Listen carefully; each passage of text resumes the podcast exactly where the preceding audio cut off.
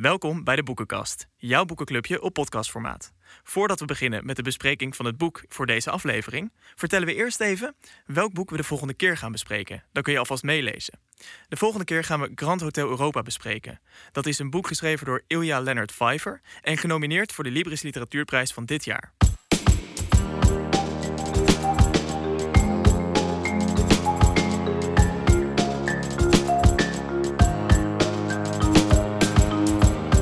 Oké, normaal doen de opname loopt. Ehm. oh, dit is mooi. Het gaat allemaal ingemixt Dus worden. de stem eh, even warm maken. Hey, hey, hey, hey. Ja. Dat is een audiocheck toch? Zo, Check, check, podium. oude check. Maar jongens, we hebben drie boeken op tafel liggen en een iPad. Ja. Ja. En ehm, van deze drie boeken het zijn allemaal dezelfde boeken, maar ze zien er ook anders uit. Ja. Want, we- maar we hadden het er net al even over, maar wat zijn nou precies de verschillen?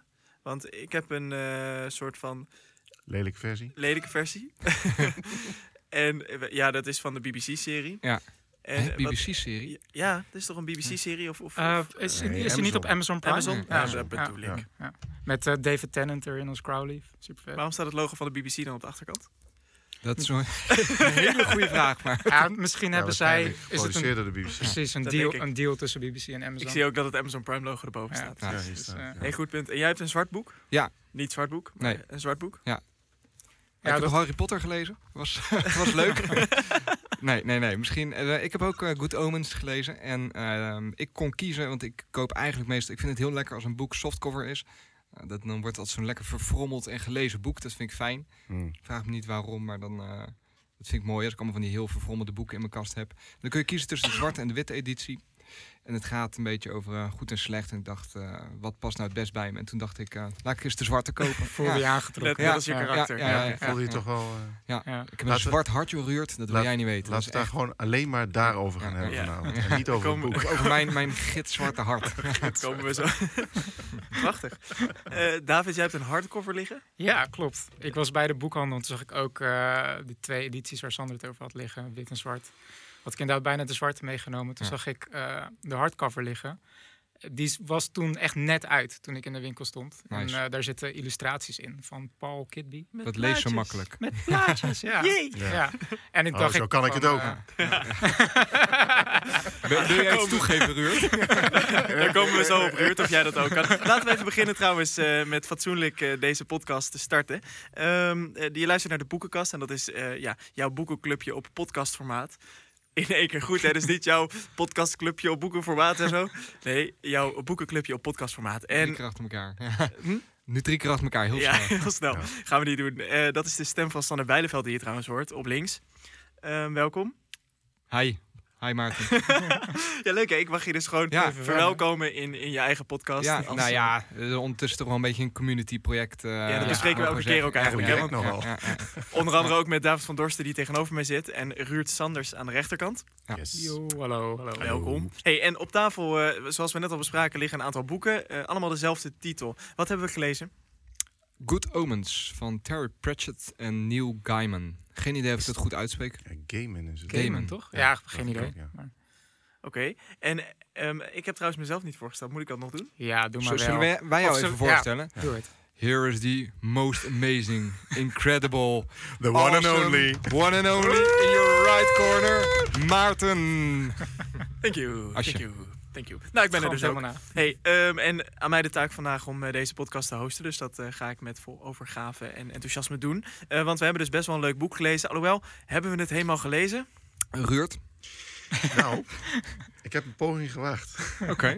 Ruud, wat voor een boek is dit? Eh, het is een boek. Ja, eh, het is een boek wat vooral heel erg veel bijbelse verwijzingen heeft. Eh, het is een boek geschreven door Terry Pratchett en Neil Gaiman. Zoals je zei, dat zijn twee schrijvers. In ieder geval, ik weet dat Terry Pratchett is een soort schrijver die eh, heeft ook eh, de Discworld novels heeft hij geschreven. En eh, dat is overwegend heel erg grappig. Het is heel erg veel insider information, grappen. Je moet maar net wat hele typische Britse grappen begrijpen. Het is ook heel Ja. erg Brits. Ik, ik las op internet, ik heb de Wikipedia daar even van gelezen, dat er ook serieus messageboards zijn waar mensen de grappen bijhouden die diep verstopt onder alle lagen Ja. zitten. Ja, en waar hij zelf ook veel- actief in is om, om ja, Ja, en ehm, het is een boek, het gaat over twee... eh, ja, gaat het over twee engelen? Het gaat over het einde van de wereld, Ja. eh, wat er aan zit te komen. En er zijn een tweetal eh, personages die eigenlijk het meeste voorkomen, die door het verhaal heen meanderen. Dat zijn de Zerophil en Crowley. Uh, wel geteld een engel en een demon. Van gevangen engel. Dus, ja, ja, inderdaad, een gevallen engel. Dat is, dus dat, demon. Dat wordt dus een demon. Ja. um, die uh, ja, al nou, pakweg 6000 jaar uh, op aarde uh, rondlopen. En dus weten dat uiteindelijk de apocalyps gaat komen. Uh, en dat zal vervormd worden in dus de zoon van de duivel, die dus op de aarde gaat uh, geboren worden. Ja. En zij proberen eigenlijk hem te beïnvloeden. Want ja, voor beide de, voor willen de goede niet. orde is het een satirisch boek. Het is een satirisch ja. boek wat, denk ik, uh, wel heel erg geschreven is door mensen die, tenminste dat vermoeden heb ik bij, erg veel in de, in de kerk hebben moeten zitten. En het denk ik ook wel erg leuk vonden om uh, hier en daar de Bijbel wel een beetje te kakken te zetten. Ja, ja dat ja. proef ik een beetje erin. Maar dat, dat, is, dat is een invulling. Ja, ja, um, dat is zeker een ja, invulling. Maar, ook, maar ook liefde ervoor. Ik bedoel, Ja. het, het is een beetje doorspekt met... Maar je merkt wel, dit zijn wel mensen die hebben een religieuze Ze- opvoeding gehad. Nou, ze, hebben, ze zeker een mening over religie. En dat zie Ja. je ook in het andere werk van eh, Neil Gaiman en eh, Terry Pratchett. Dat ze, volgens mij is religie best wel een onderwerp waar ze graag over praten. Ja. En eigenlijk het grijze gebied binnen religie. En het grappige is dat ze dus in dit boek eigenlijk het dualistische van, in dit geval het christendom, Ja. van hel en hemel. Hel en hemel. en eh, engel en, en demon. zijn engelen was wel, wel goed en zijn Ja. demonen eigenlijk wel slecht. Precies, en het grijze gebied begint eigenlijk vrijwel meteen. En, de, en de, eh, het idee is dus ook van dat de eng, zowel de engel als de demon, die de hoofdkarakters zijn, dat zij eh, eigenlijk met elkaar afspreken van. Goh, we leven nu 6000 jaar op de aarde, want de aarde is 6000 jaar oud, zoals iedereen weet. Ja. Eh, van eigenlijk vinden we het best wel leuk op aarde. Het Ja. leven vinden we leuk. We vinden de mensen eigenlijk best wel leuk. Ik zat daarover na te denken en ze zijn eigenlijk corrupted by men. Precies. Ja, ja. ze zijn Ja. eigenlijk Ja. ze zijn op een gegeven moment meer als mensen gaan denken dan als hun hemelse gedachten of de duivelse Ja. gedachten. En daarom sluiten ze een pact van oké, we weten dat ze, er is een, een, plan, zeg maar, dat Ja. de uh, apocalyps zal komen en die zal ingeleid worden door de antichrist. Ja, mocht je nou En, luisteren eh, en denken van... oh, nu gaan alle spoilers eh, Dat is het al niet. komen. Dat- Dat, is het staat niet. Dit al op de achterkant van het boek. Dit staat Ja, op de achterkant precies. van het boek. En De spoilerhorn komt Ja. zo meteen. En zij willen dus, eh, eh, het hele idee van het boek is dat zij dus samen besluiten van, oké, de antichrist die eh, ga- zal de apocalypse inluiden. Daar hebben wij niet zo'n zin in, want we vinden de aarde best wel leuk. Dus laten we het Ja. proberen tegen te houden. Dat is eigenlijk, Ja. eh, Misschien nog wel erbij vermelden dat er inmiddels ook een serie van is. eh, van de BBC dus. Eh, of de BBC heeft denk ik gemaakt, geproduceerd. En Prime, Amazon Prime kun je terugkijken. Ik heb toevallig twee afleveringen daarvan gezien. Dus daar kunnen we misschien ook nog even kort aanstippen. Ehm, maar en ik moet zeggen dat, eh, dat, ja, dat, eh, dat pakken ze redelijk goed. eh, ze volgen het verhaal wel, wel vrij strak. Eh, de tekst is ook wel vrij eh, veel ook meegekomen. Dus dezelfde soort dialogen komen erin voor.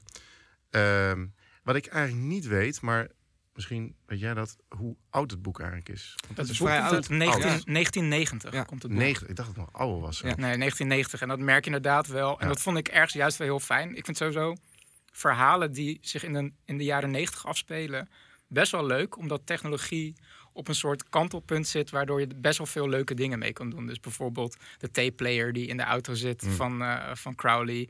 of een eh, antwoordapparaat bij een, bij een telefoon, zeg maar. Dat, eh, ja, dat, dat is, daar, daar kan je heel leuk mee spelen in het verhaal. En dus dat is best een leuke tijdsperiode waar het in zich afspeelt. Ja, Ja. Ja, ik moet ook zeggen dat... ehm Ruud, jij zei net al dat over de serie dat, het, eh, dat de tekst vrij goed meegekomen was. Ik vind ook dat het boek wel zo leest. Het, het, je kan je erg makkelijk, tenminste dat ik tijdens het lezen, je kan je erg makkelijk voorstellen eh, hoe die situaties eruit zullen zien. Mhm. Ehm, eh, en het is heel erg in dialoog geschreven. Ja. Ehm, Mhm. Vind ik typerend, typerend voor dit boek. Sander, hoe, heb jij, eh, hoe zie jij dit boek? Nou ja, ik, ik denk dat het misschien belangrijk is om even te benoemen, want we duiken nu eigenlijk gelijk een beetje het, eh, het, het hele filo- filosofische aspect ervan in, van eh, wat is Mhm. goed, wat is slecht. eh, nou. Ja. Maar de manier waarop het geschreven is. Wat ik zo, want nou, als voorbereiding voor zo'n podcast ga je dan altijd even kijken, joh, wat is er geschreven op Goodreads. En titel die dan heel veel tegenkomt en die ik, moet ik met schaamrood op de kaken zeggen, nooit gelezen heb, is The Hitchhiker's Guide to the Galaxy. Ja. Oh ja. Dat dat Ja. hier heel erg op lijkt. Ontzettend Dus misschien voor, voor nou, de echte boekenliefhebbers, eh, die dat wel gelezen hebben, zoals het ze betaamt, Het heeft die stijl. geeft het geeft je een beetje een indruk wat voor boek dit is. Waar Ja. ik het, eh, het deed mij eh, ook aan Monty Python wat denken. Het is best Eh, wel, de- het, eh, het is best uit wel, diezelfde stal. best wel eh, Ja. Britse, Britse humor. Ja, Daarom denk ik ook dat het belangrijk is als je dat eh, lukt. Ja, dat klinkt zomaar om, om in het Engels te lezen. Ja. Eh, Nee, dat ik, zeker. denk dat En die een is die wel vertaling. vertaald? Hij is vertaald. Ja, Oh, ja, toch ja. wel. Goede omens. Goede omens. Ja, bijzonder. Heeft zijn eigen Wikipedia-pagina. Want het is op zich Ja, best een populair boek. Hè? Maar- er waren een aantal eh, enquêtes ook geweest in Engeland van wat, is, wat zijn nou de populairste Britse Ja. broeken. broeken. Broeken. Ja. Eh, kort. boeken. Daar kwam die in de, sowieso in de top 100 of misschien zelfs hoger Ja, ja. terecht. Dus, eh, Het zijn ook ja. best gewaardeerde auteurs. Nou ja, wat, wat ik. ehm, Ja. Dus, maar waar ik daarmee op wil hinten is gewoon de manier van schrijven. Het is heerlijk Brits geschreven. En. Ja. ehm, nou ja, ik, ik heb een aantal quotes en die wil ik er misschien her en der ook wat, wat doorheen gooien. Ehm, die, die, maar dan krijg je een beetje feeling bij eh, hoe het boek geschreven is. En dat is misschien wel leuk om dat eh pre-spoilerhorn eh, er even in te gooien. Dan weet je een beetje wat je kunt verwachten. Ja. Ja, dit bijvoorbeeld, dit is wel typisch, vind ik. eh.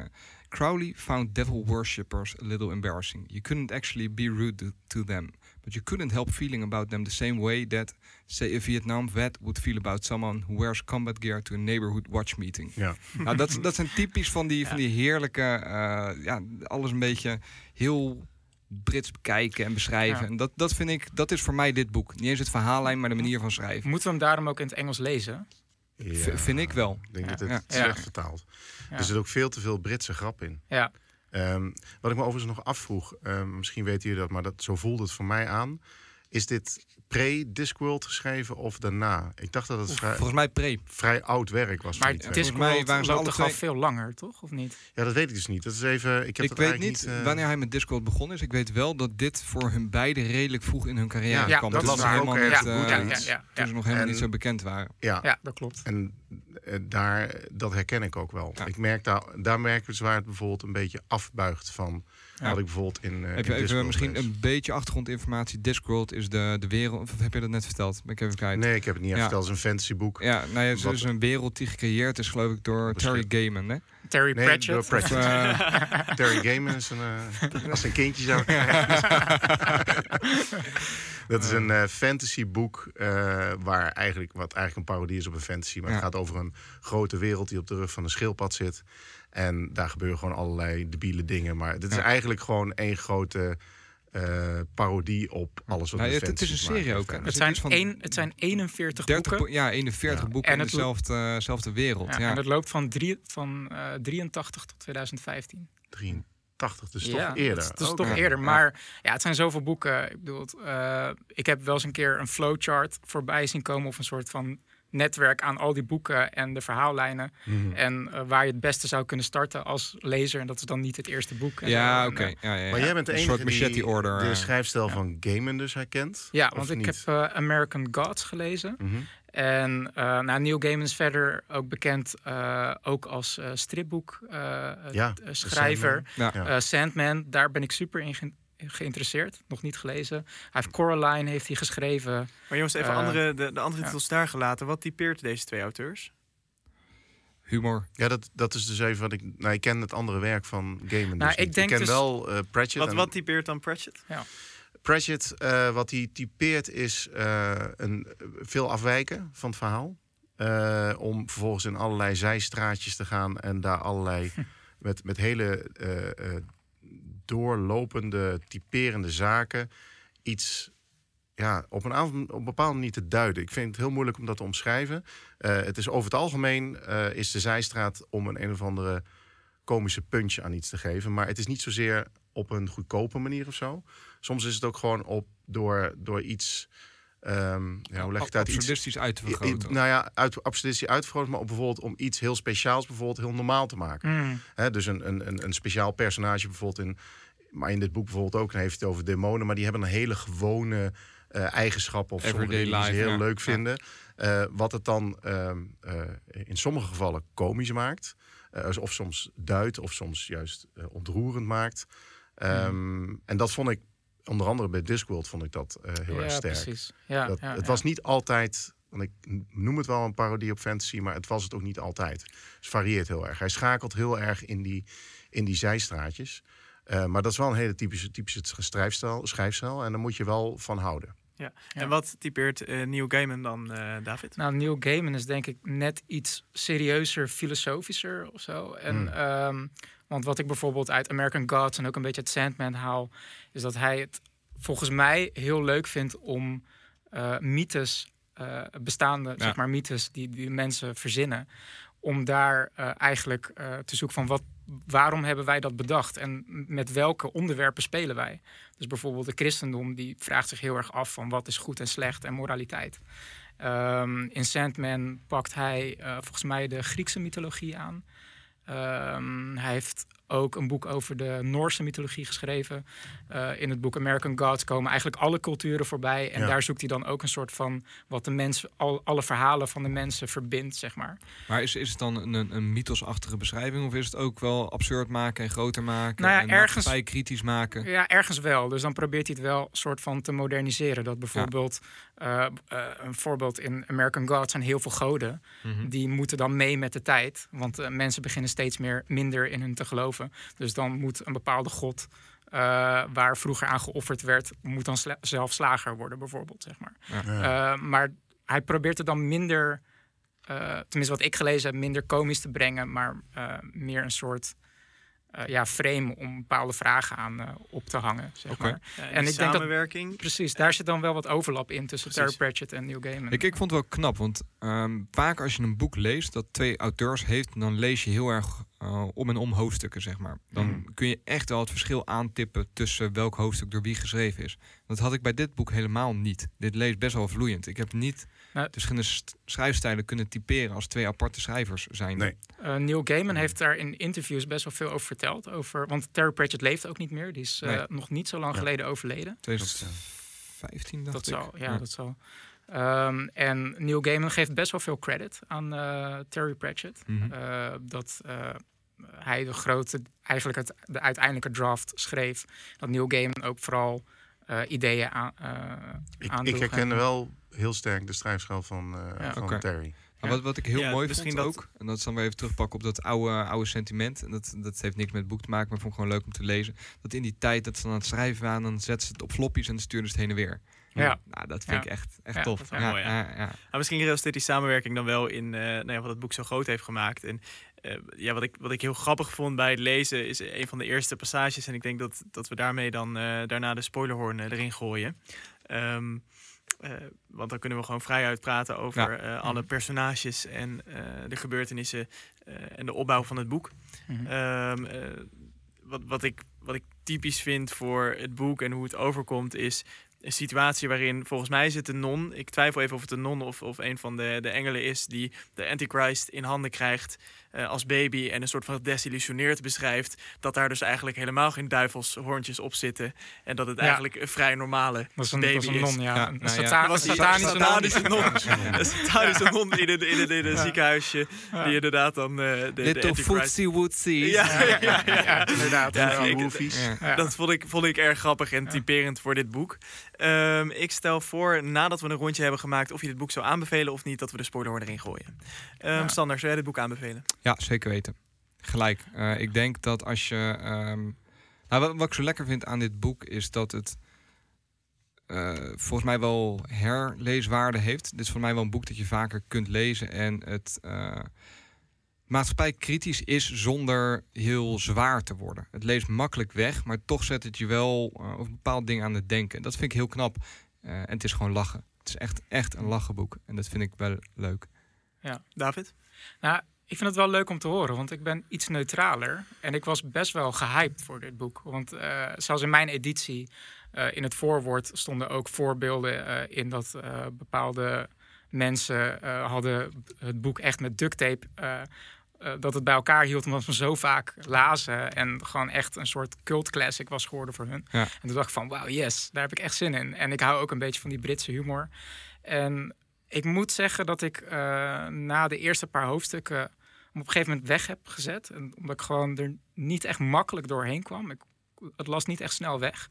Ik werd, je wordt meteen overladen met allerlei karakters. En ik had ook een beetje het gevoel dat ik bepaalde inside jokes gewoon niet begreep of zo. Waar ik misschien nog niet genoeg weet Ja. van de Britse cultuur.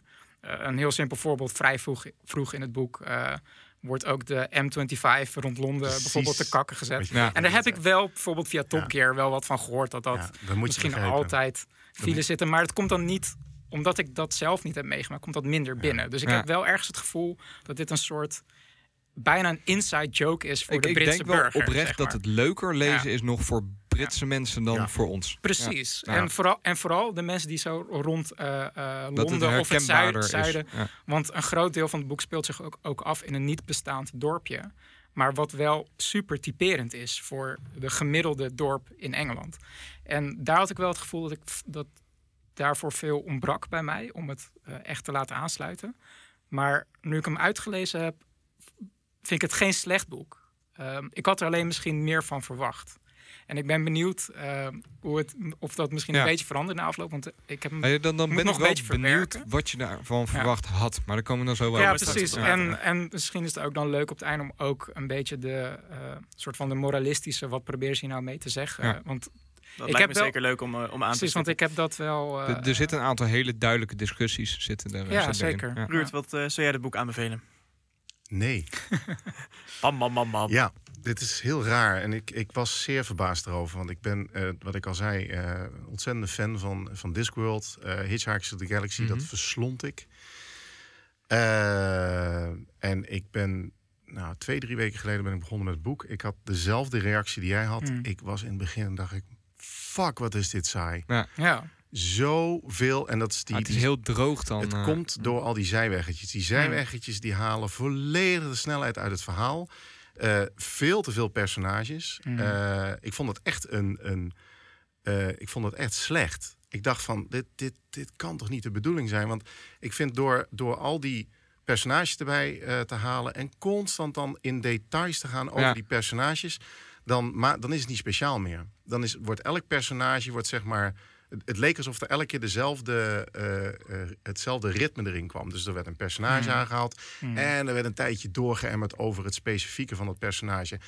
En dan na een hele lange tijd gingen we eindelijk eens een keertje verder over waarom we over de personage gingen. Ja, Dus ik kwam me ontzettend moeilijk bij. Ik heb me er echt doorheen moeten worstelen. Eh, ik heb dus ook het luisterboek geluisterd. En de, de, jij vond de, de stem prettig. Ja. Ik vond dat hij heel veel leuke stemmen deed. Maar het was ook super irritant omdat hij eh, constant bij elk stemmetje een ander stemmetje Ja. deed. Eh, ergens wel weer leuk en ergens natuurlijk heel bijzonder. Maar op een gegeven moment wordt het... Je wordt helemaal over... Je wordt zo overprikkeld. En op een gegeven moment was zal ik zo- jou nog vertellen dat ik het op anderhalf speed geluisterd Maar die stemmetjes zijn volgens mij wel belangrijk. Want, Het zijn eh, zeker... bijna- En dat doet hij ja. ontzettend goed. ik, ik vond het audioboek makkelijker dan, dan Ja. lezen hoor. Ik kan me dat wel voorstellen, want er zit. Ik raak dus constant het in. verhaal Ja, kwijt. ja. Het probleem is ook dat ik... Ik was dan soms was ik aan het luisteren... En toen dacht ik, fuck, nou heeft hij weer over een ander personage. Ja. En weer over een ander personage. Nee, dat is wel, wel, grappig, want daar wou ik ook wel nog, werd er gek van, dat- dus ik- daar ik- wou ik nog iets van, van zeggen inderdaad. Want ik heb ooit twee boekenkasten geleden gezegd dat ik het niet handig vond dat er dan per eh, hoofdstuk aangekondigd werd wie dat hoofdstuk was. Dat Ja. was bij eh The Expanse, Expanse, van ja. Holden en Miller, Holden Miller. Dat is Dat miste ik hier juist een beetje in. Ja, Ja, en als je kijkt naar hoe En het ook boek is zitten- opgebouwd, misschien is dat wel goed. er zitten ook kijkt- niet echt hoofdstukken in waarin... De, wat, wat ook het probleem is als je het luisterboek luistert... Ja. dan switcht hij in één keer naar een nieuwe alinea. Maar ja, in je, jij ziet die alinea Nee. niet. Dus hij is in één keer over iemand aan het vertellen. En in één keer is hij... En denk je nou, wacht eens even, heeft hij nou nog over... Heeft hij nou over Zerophil of heeft hij nou over Crowley? En op een gegeven moment was ik het echt helemaal Ja. kwijt. Ja, Ruud, wat daarbij goed is om op te merken, Heel is dat als je het boek bekijkt, als je dat leest, dan zie je ook dat tussen de alinea's, in ieder geval in de meeste uitgaves is dat volgens mij zo, Hm. bij mijn uitgave wel, is dat daar ook echt gewoon eh, figuurtjes tussen de alinea's staan. dus je switcht echt Ja, naar, ja, kijk, je ziet En het dus- bij David ook, Ja. ze hebben er echt een plaatje. Maar dus de, de, de E-pub dus niet, hè? Oh, bij jou is dat inderdaad Nee, ook bij mij ook niet, hoor. Wel eh, goed witregel ja, de grap is dus, Ja, ik, heb dus ik heb dus gewoon in iBooks zitten lezen en daar zit het dus niet in. Ja. Dus je, je, Ah, daar ga je al. Ja. maar en wat er gewoon gebeurde is, ik was, eh, eh, ja goed, eh, waar komt het uiteindelijk op neer? Ik kwam er gewoon echt niet doorheen. En dat is En denk voor ik mij was het echt een, een, een, een, een opgave, omdat ik, ik had zoiets van, nou, die boekenkast komt Ja. aan, ik moet me voorbereiden, Ja, ik moet dat boek gelezen hebben.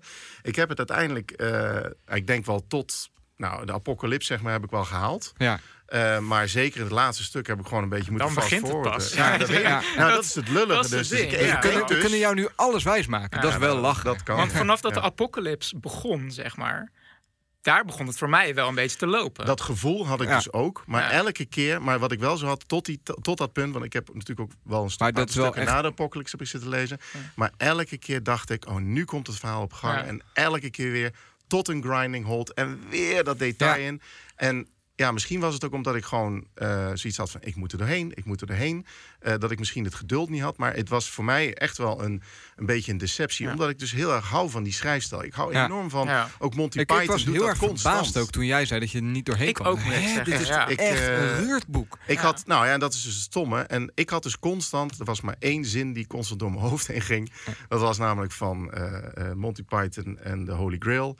En dat is het he- dat de rest van het plot gewoon constant zegt: Get on with it! Ja. ja, ja, ja, ja, ja, ja. Wij willen ook nog aan de beurt. ja, ja. En, dus de, en inderdaad, en ik denk echt dat Ja. dat gebeurd is. De Ja. personages die waarschijnlijk, of, of het verhaal wat helemaal aan het einde het boek eigenlijk maakt. Dat het, alles heeft mij zo afgeremd. Echt, Mm. die personages hingen als blokken aan mijn been. En ik kwam gewoon niet door die sludge heen die, van Ja. al dat detail. Oké. Ja, Helder, en, eh, en zo Ruud. heb ik het dus ervaren. Het is Ja. Voor jou eh, geen Ja, aanrader ja, dus. ja, ja, ja. Nee, ja, en misschien moet ik hem nog een keer gaan lezen. ik weet het niet. Maar, maar dan helemaal. Ja, En Misschien moeten jullie mij overtuigen. ja. En voor jou, Maarten? Ik moet zeggen dat ehm, ik, Ja, Maarten. Ook ik heb hem niet helemaal Einde was goed, hè? Het einde was waanzinnig.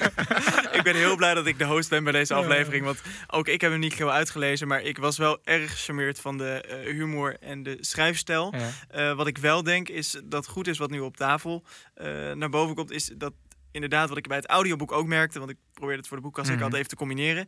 ehm, is dat de opmaak van het boek heel erg belangrijk is in hoe je het leest. Juist Ja. omdat het zo ontzettend in die dialoog geschreven is. En Mhm. bijna vanuit camerastandpunten situaties worden geschetst. Ja. ja, en ja, ja. Je, eh, je bijna meekijkt. Ja, dit is bijna scriptachtig hoe Ja, het ja, opgesteld ja, ja. is. Ja. Ehm, des te belangrijker wordt de opmaak van een boek omdat je daardoor richting krijgt in... oké, maar eh, wiens verhaal, wiens perspectief lees ik nu? Mhm. Eh, dus, dus ik denk dat dat een belangrijke conclusie is. Ik zou het wel aanbevelen, absoluut. En ga, ga je hem nog uitlezen? Ik ga hem zeker uitlezen. Ja. Ik, eh, ik ga mij laten overtuigen door Ja. jullie. Maar het is wel Ik leuk. weet al, ik weet hoe het eindigt, want ik heb wel eh, de synopsis heb ik wel gelezen. Ja. Dus ik weet Ja. hoe het verhaal loopt. Eh, wat overigens nog wel leuk is om daarbij te vertellen, is dat ik dus ook de serie heb ge- gekeken, of in ieder geval de eerste twee afleveringen. Dus ik heb ook de, het standpunt bekeken vanuit de serie, zeg maar. Mhm. En Mhm. eh, ben op een gegeven moment zelfs even zelfs verder gegaan met de serie dan in het boek. Ook om mezelf eigenlijk Er doorheen te te, prikkelen. slepen. Ik had zoiets van, Mm. weet je wat, misschien als, de, als ik zie wat het verhaal gaat worden later, dat, dat zuigt me zeg maar door die, ja, door dat de, door die detailmuur heen, die sludge. Ehm, Heeft niet gewerkt. heeft niet echt gewerkt, nee. Nou, laten we nu kijken of we de luisteraar mee kunnen nemen in dit Ja, verhaal. Het is wel leuk dat we iemand hebben die enthousiast is, neutraal en negatief. Dus Ja, dat is wel mooi. Eh, ja. de- Maar laten we nu de spoiler erin knallen, jongens. Get on with it. Yes, get on with it. Oh, I am enjoying this scene. Get on with it.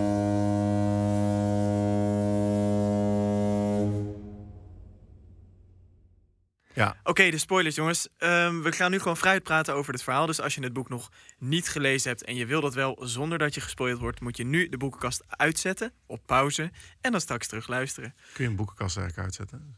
Zit er eigenlijk wel een knop op? Ja. Zullen we anders de humor gewoon overlaten aan de mensen die daar wel verstand van hebben? Oh. Dankjewel, Ruurt. We gaan het hebben over eh, het boek inhoudelijk. En het Ja. begint eigenlijk, eh, als je het boek openslaat, met een voorwoord. Dat slaan we even over. Maar dan krijg je een character reference. En we hadden het net in de kritiek al over dat dat eigenlijk best wel een hele fijne pagina is in het boek. Ja. Tenminste, ik heb een aantal keer Oh, teruggebladerd. Ja, ja, ja. eh, dat ik dacht van, ehm, eh, oké, maar bij wie zijn we nu? En eh, wat, wat is dat eigenlijk voor een personage? Ja. Ehm, ook daar zie je al een vrij droge schrijfstijl naar voren komen Mhm. in die character reference. Waar, ik pak hem er even bij en ik probeer de tussentijd eigenlijk gewoon vol te praten. Terwijl ik daar eigenlijk Kan heel weinig inhoud knippen. voor heb. Ik heb hem hier als je hem wilt hebben. Kan hem ook gewoon knippen. ja, ik kan ook. Oh, kijk, hier staat hij. Ja, heel goed. Nou ja, Zero en Crowley, dat zijn dus de twee hoofdpersonages, denk ik toch ja. wel. Ja, de namen. zeker. Maar zij, zij dragen het verhaal ook 100%. Eh, Vind je? ja. Dus, want ik, wat, dat, dat was Nou, een van de punten waar ik een beetje... Voor mij echt wel. En, en is- Adam. Ik vond Adam, ook Adam echt was heel eigenlijk... de- Dat bedoel ik dus. Want daar was ik dus eh, een beetje disappointed over.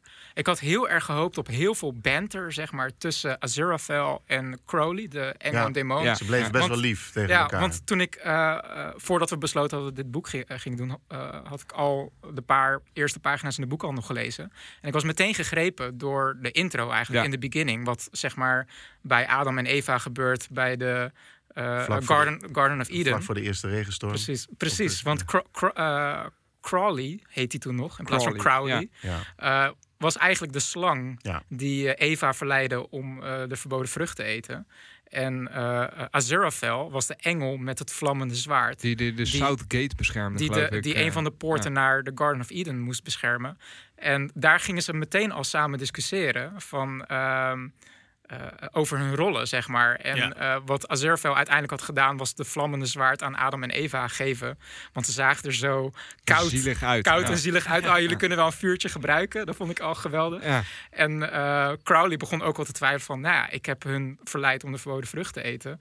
Maar misschien dat hoort bij het plan. Dus heb ik nu iets goeds gedaan? Ja. Ja, en heb een jij beetje- iets slechts Ja, en gedaan? hij Want je snapte hebt ook je- eigenlijk niet wat de Ja. fout was aan, Ja. aan- Waarom mag je nou... Wat is nou voor flauwekul? Je Ja. hebt daar een appel, tuurlijk ga je er aan Ja. Wat is dat? Dus eigenlijk lezen en dan we zeggen dat dat niet goed was. Dat Ja. vond ik al een mooie... eh, in de eerste pagina eigenlijk al hoe de duivel in een soort van existentiële crisis raakt. Ja, Ja. ja. en ja. ehm, nou, Maar- die, die droge schrijfstijl zie je dus ook terug in, eh, in, in de lijst. Want inderdaad, Archibald die wordt dan als, tenminste ik moet het goed uitspreken, Aziraphale. Ja, Zero Eh, Iedereen- gaat het anders uitspreken, Ja. denk ik. Maar die wordt dan omschreven als een angel en part-time rare book dealer. Ja. En eh, God is er ook als een God. Ja. en Metatron als the voice of God. Ja. En, eh, Niet letterlijk de stem van God, maar een personificatie. Precies. Van de stem. Ja. ja. Ja. en Not dan, really Ja. the voice of God, Ja. but the voice of God. ja, en dan eh, Hester bijvoorbeeld, A Fallen Ja. Angel en Duke of Hell. En dan Liger, dat is eh, likewise A Fallen Angel en Duke of Hell. Ja. En nou ja, zo, zo gaat die lijst door Ja, met ja, name. ja. Maar wat ik dus... Ja, maar die hebben meer even- een bijrolletje. Bedoel. Ja, ja, ja. Ik denk als je de personages, de hoofdpersonages zou moeten beschrijven, dan zijn het Zerofil, Crowley, dan is het eh, Adam Young, is toch wel... A.k.a. eh, the Antichrist, de the. Adversary, the Destroyer of Kings, Angel Anathema. of the Bottomless Pit, Ja. Great Beast, that is called Dragon, the Prince of this world, Father of Lies, Spawn of Satan, and Lord of Darkness. Ja. Dat gaan we iedere, op iedere Dat gaan we keer iedere keer zeggen. zeggen. Want dat doen ze in het boek Ja, namelijk ook. ja, precies. Nou, op een Maar- gegeven moment houden ze het ook mee op. en de andere, ik denk dat eh Anathema Device is ook wel... Ja, zeker. maar ik had dus de veel meer van, van Aziraphale en Crowley verwacht. En uiteindelijk Ja. komen ze niet zo vaak voor. Ze worden op een gegeven moment een beetje sidekicks. eh, ja, van, van- het van het verhaal. verhaal. Van het verhaal. ja, ja. Het- Ze, ze openen eigenlijk het verhaal. En ze zijn wel. Maar ze zijn Nou, wel de, de rode draad door het verhaal, toch? En maar als zelfs, je- da- als je zelfs een- dat kan ik. Daar kan ik zelfs Ja. over discussiëren. Want hebben zij uiteindelijk effect gehad op het verhaal? Want dat vind ik altijd Mhm. belangrijk. in Nee, een dat is het verhaal. mooie. Maar Het dat is- mooie aan het verhaal, want dat heb ik nog gehoord, aan helemaal aan het einde. Eh dan springen we helemaal aan het einde. Maar goed, in ieder geval aan het einde, dan komt er het punt natuurlijk, gaat de Antichrist inderdaad de apocalypse door laten gaan. En dan wat er op dat moment gebeurt, komen ze erachter dat zij eigenlijk geen invloed hebben gehad. Precies. Ja. Nee, ja, nee, maar de vraag die er sowieso in het zit is... Ja. Maar dan, dan, dan spring je gelijk op een van de moeilijkere thema's erin. Ja, Nurture, precies. nurture versus Maar- nature. maar ik Hadden ze invloed kunnen uitoefenen Precies. op de Antichrist? Maar is de ik, ik wou het Antichrist... wel even benoemen. Het ging, het mij misschien niet zozeer om. eh, want dat is inderdaad filosofisch super interessant om over te hebben. Want daar gaat het uiteindelijk Mhm. over van... hebben die forces of good en evil... kunnen zij überhaupt dingen manipuleren? Eh, maar ik had wel meer van dat soort discussies tussen Aziraphale en eh, Crowley gehoopt, zeg maar. Wat in het begin van het boek wel, waar ze wel mee starten, zeg Mhm. maar. Dus dat was wel een van mijn, eh, van ah jammer, gemiste kans of zo. Oh, nou ja, d- dat, dat, had ik eh, niet zo erg. Maar Nee, laten we nee. voordat we naar de filosofische betekenis gaan, even gewoon naar het verhaal kijken. Eh, want we begonnen net al met het stukje in the beginning, eh, waar ehm, eh, nou ja, eh, dat, dat verhaal over Adam en Eva even naar voren komt. En het eerste deel, eh, dat is getiteld 11 Years Ago. Ja. Dat zal vast elf jaar geleden zijn, denk ik dan. Ja. ja. Nou ja, elf, er zijn, elf er zijn een hele paar ja. hele rare hoofdstukken ook inderdaad. Ja. Het is 11 years ago, dan is het woensdag, donderdag, Ja. vrijdag, Nou, zaterdag niet- tot met zondag. nou, het, ik. Eh, Het idee erachter is, is natuurlijk dat eh, de, de, de, anti, de komst van de antichrist Hmm. eh, is de start van de apocalyps. Ja. Dus je begint eerst met, oké, de aarde wordt geschapen. Dan 6000 jaar later zijn ze, zijn ze inmiddels eh, eh, ja, ingebakken in society, zeg maar. Ja. En dan komt de, de, het belletje vanuit de hel van, nou, de antichrist, Jet hij is er. Ja. We gaan beginnen, weet je. En dat begint allemaal in een ziekenhuisje. Ja. ja. en dat is dan elf jaar geleden. En, eh, ehm, en- Ja, ik, ik vond trouwens, maar die hoofdstukindeling, daar kunnen we het ook nog wel over hebben. Ik vond dat echt vet. Ik vond het echt lachen. Dat je zo'n scheid hebt aan alles, dat je gewoon je hoofdstukindeling zo maakt dat de eerste nou, drie, vier hoofdstukken allemaal, eh, nou wat is het, 20, 100 pagina's max zijn. Ja. En dan krijg je dat eh, de Saturday en dat is gewoon drie kwart van het boek. Ja. Ja, Maar luisterboek en was- Sunday is ja, dit. Ja. de, dag, de dag van de apocalypse. eh, Dat, dat vind ik wel mooi dat je Ja. zo ja, niet. niet eh, Lak hoe- hebt aan je dat conventies. niet? Ja, dat inderdaad. Ja, Dat je op die manier je boek schrijft. En ik, ik, zelfs daar zit dan weer een stukje humor voor mij in verstopt. Ja, ja. maar de, de tijdspanne uiteindelijk van het boek is binnen een week Ja, ongeveer. En ja. inderdaad een groot deel binnen 24 uur dat de meeste actie gebeurt. Ja. Weet je wat heel erg is? En dat moet ik eigenlijk wel even eh, gewoon bekennen. Dat ik in het begin eh, had ik helemaal niet door dat de Zerofield dus een engel was. Ik weet niet waarom. En ik, dat, waarschijnlijk had het met al het detail te maken Ja. dat er constant doorheen Ja. kwam. En die twee andere, eh, die eh, Hester en Leager, die er ook tussendoor eh ja, ja, fietsten. ja, ja. En toen op een gegeven moment dacht ik van, wacht eens even, dat kan toch never nooit niet een demon zijn? Ja. ik, toen heb ik hem ook nog even teruggezet. Mhm. Nee, de, nou, dat mis je, dat ene detail mis je dus dat het eigenlijk dus een engel is. Ik, ik heb ook af en toe even ehm, personages gegoogeld hoor. Je hebt wat van die wiki-fandoms Ja. en dan Mm. lees je iets meer background story. En dat, dat plaatst een karakter net weer even lekkerder in het verhaal. En nou, dat was wel ja, helemaal, ja. echt helemaal in het begin, moet ik wel eerlijk zeggen. Maar goed, Ja, want ja. aan het begin, eh, in dat hoofdstuk 11 Years Ago, daar komen dus die Hester en die Ligger tegen. Ja. Die, die hebben het mandje bij zich met eh, de antichrist. baby. Met de antichrist. ja. En Dick Ja. en Linger, geloof ik heet dat toch? Dat je heel goed in de dark kunt lingeren. Hij, ja, Lig- zou dat daar vandaan komen? Lig, want hij heet Ligur zonder N. eh, ja, in de- weet ik Ja. niet. Maar wat ik nog mooier vind is, eh, eh, want Crowley die moet dus eh, die twee Haster en Ligur eh, ontmoeten om de baby in ontvangst te nemen. Oh, ik weet En de- en de opdracht. Ja, ja, ja. Krijgt hij via zijn cassettedek eh, in zijn auto met, met de stem van Freddie Freddie Mercury. Mercury. Want het was, Ja. was dat eh, Bohemian Rhapsody Ja. wat hij aan het Ja, ja, luisteren ja, Hij- was, ook, er was ook allerlei klassieke muziek was hij aan het luisteren. Ja, en zat in ja. één keer Freddie Mercury, deed dan in één keer de, de vocals er doorheen. Ja. Zo. Ja, ja. Wat wel, ehm, eh, wat ik daar nog wel even bij wil zeggen, dit is wel een stuk waar ik in ieder geval ook af en toe, eh, waar, ik, waar ik een beetje baalde van het boek. En dat was omdat eh, elke keer weer die zijstraatjes genomen werden. Mhm. En nou ja, dat, dat, dat lingering bijvoorbeeld is dan zo'n typisch voorbeeld. Dat is, een, Ja. dat is een, ik denk een hele They can Typische, linger, nou, like eh, no one can linger. Ja, precies. can- Nou, en, ja, en dus dat detail ingaan. linger for six hours en een hour more of zo. Dat is Ja. zo'n soort... eh, ja, En ik miste daar dus eigenlijk de humor van Pratchett. Waarom? En, en het, het vond ik heel jammer. Ehm, en ik merkte toen ook van, en ook de M25 werd al vrij snel aangehaald. Dat ik van, dit is wel echt een heel erg een boek voor de, voor de Britten. Interessant detail. Eh, de serie eh, bouwt eigenlijk wel redelijk hetzelfde op als het boek. En wat ze dan heel, dat is een hele rare keuze hebben ze daar gemaakt. De, de voice-over van de persoon die eigenlijk alle detail eromheen gaat vertellen. Dus Ja, al die de- de voet- zijstraatjes de waar de humor Ja. in Ja. moet zitten, de footnotes. Die is Amerikaans. en dat snapte ik niet. Ik dacht, dit is Amazon, zo'n Brit. Amazon Dus een- Prime, hè? Ja, maar er, zit, er gaat dus een Amerikaan. En misschien dat ik... Ja. Misschien dat het de, Brit, de BBC-versie trouwens anders Ja. is. Ik moet even te bedenken. Maar ik heb dus de Amazon Maar, Prime-versie gekeken. ja. En, eh, en dacht van, nou, dan gaat dus... De, als dus een Amerikaan over de humor van de vorm was- van de dat- M25 dat, dat is te toch het, vertellen... het verkrachten van Ja. Britse humor valt dan. het ja. volledig weg. Ja, dat is net Ja, die office dan in... Ja. eh, Maar vond, je- vond je dan het, stukje eh, dat... nou, iets later zat het wel grappig. Het stukje waarin ze, eh, ze hebben een soort ritueel van... eh, nou, we komen bij elkaar en zeggen we allemaal vertellen even... wat ze allemaal wat, wat, we hebben voor gedaan. fout hebben Ja, dat gedaan. Ja, oh ja, En ja, dan, ja, dan ja, vertellen die twee demonen echt de Ja, heel stomme dingen. een, dat ze eh, een, een priester in zijn oor hebben gefluisterd en die, doubt hebben gezaaid. En dat ja. die, Ja, want eerst, you will be ours in a thousand years Ja, of zo. hij had het hele telefonie plat, naar de Ja, had hij platgelegd. want eerst vertelt Freddie Mercury, eh, eerst vertelt Freddie Mercury via de cassettedek in zijn auto van je moet Haster en Liger Ja. ontmoeten. Rijdt hij naar eh, een of andere afgelegen plek en dan gaan ze inderdaad van. Eh, Crowley die, die, die he- heeft, gaat er ook met tegenzin naartoe, toch? Want dan Hij moet hij ook er weer? Tuurlijk. gaan vertellen wat heb ik nou, Nou ja, gedaan. je, En, eh, je ziet daar een beetje een soort generatiekloof. Omdat hij is al heel lang op aarde. En zij, zij zijn nog echt van de oude stempel. En, ja, eh, precies. Ja. Nou, maar Ja. later ook in het boek wordt ook wat meer in detail verteld over dat er dus verschillende soorten demonen en engelen zijn. En, en, dus, en dat, vond, dat vond ik wel weer een leuk stukje in het boek. Dus er waren echt wel lichtpuntjes in. Maar dat is inderdaad, er zijn demonen die dus eh, slechte dingen doen gewoon omdat ze dat uitvoeren. Hè. Van I, only, I was only doing my job. Eh, en zien daar eigenlijk ook niks slechts in. Ik denk dat Crowley daar wel een voorbeeld van is. En dan heb je gewoon de gasten die ja, tot, tot in het, tot het vezel van hun, ja. hun being gewoon het leuk vinden om eh, true believers, ja. echt die ziekte Ja. te, te Ja. zaaien. Ja. En eh Zerofill is eigenlijk ook wel een beetje een tegenhanger ervan. Ook Zerofill is niet ubergoed.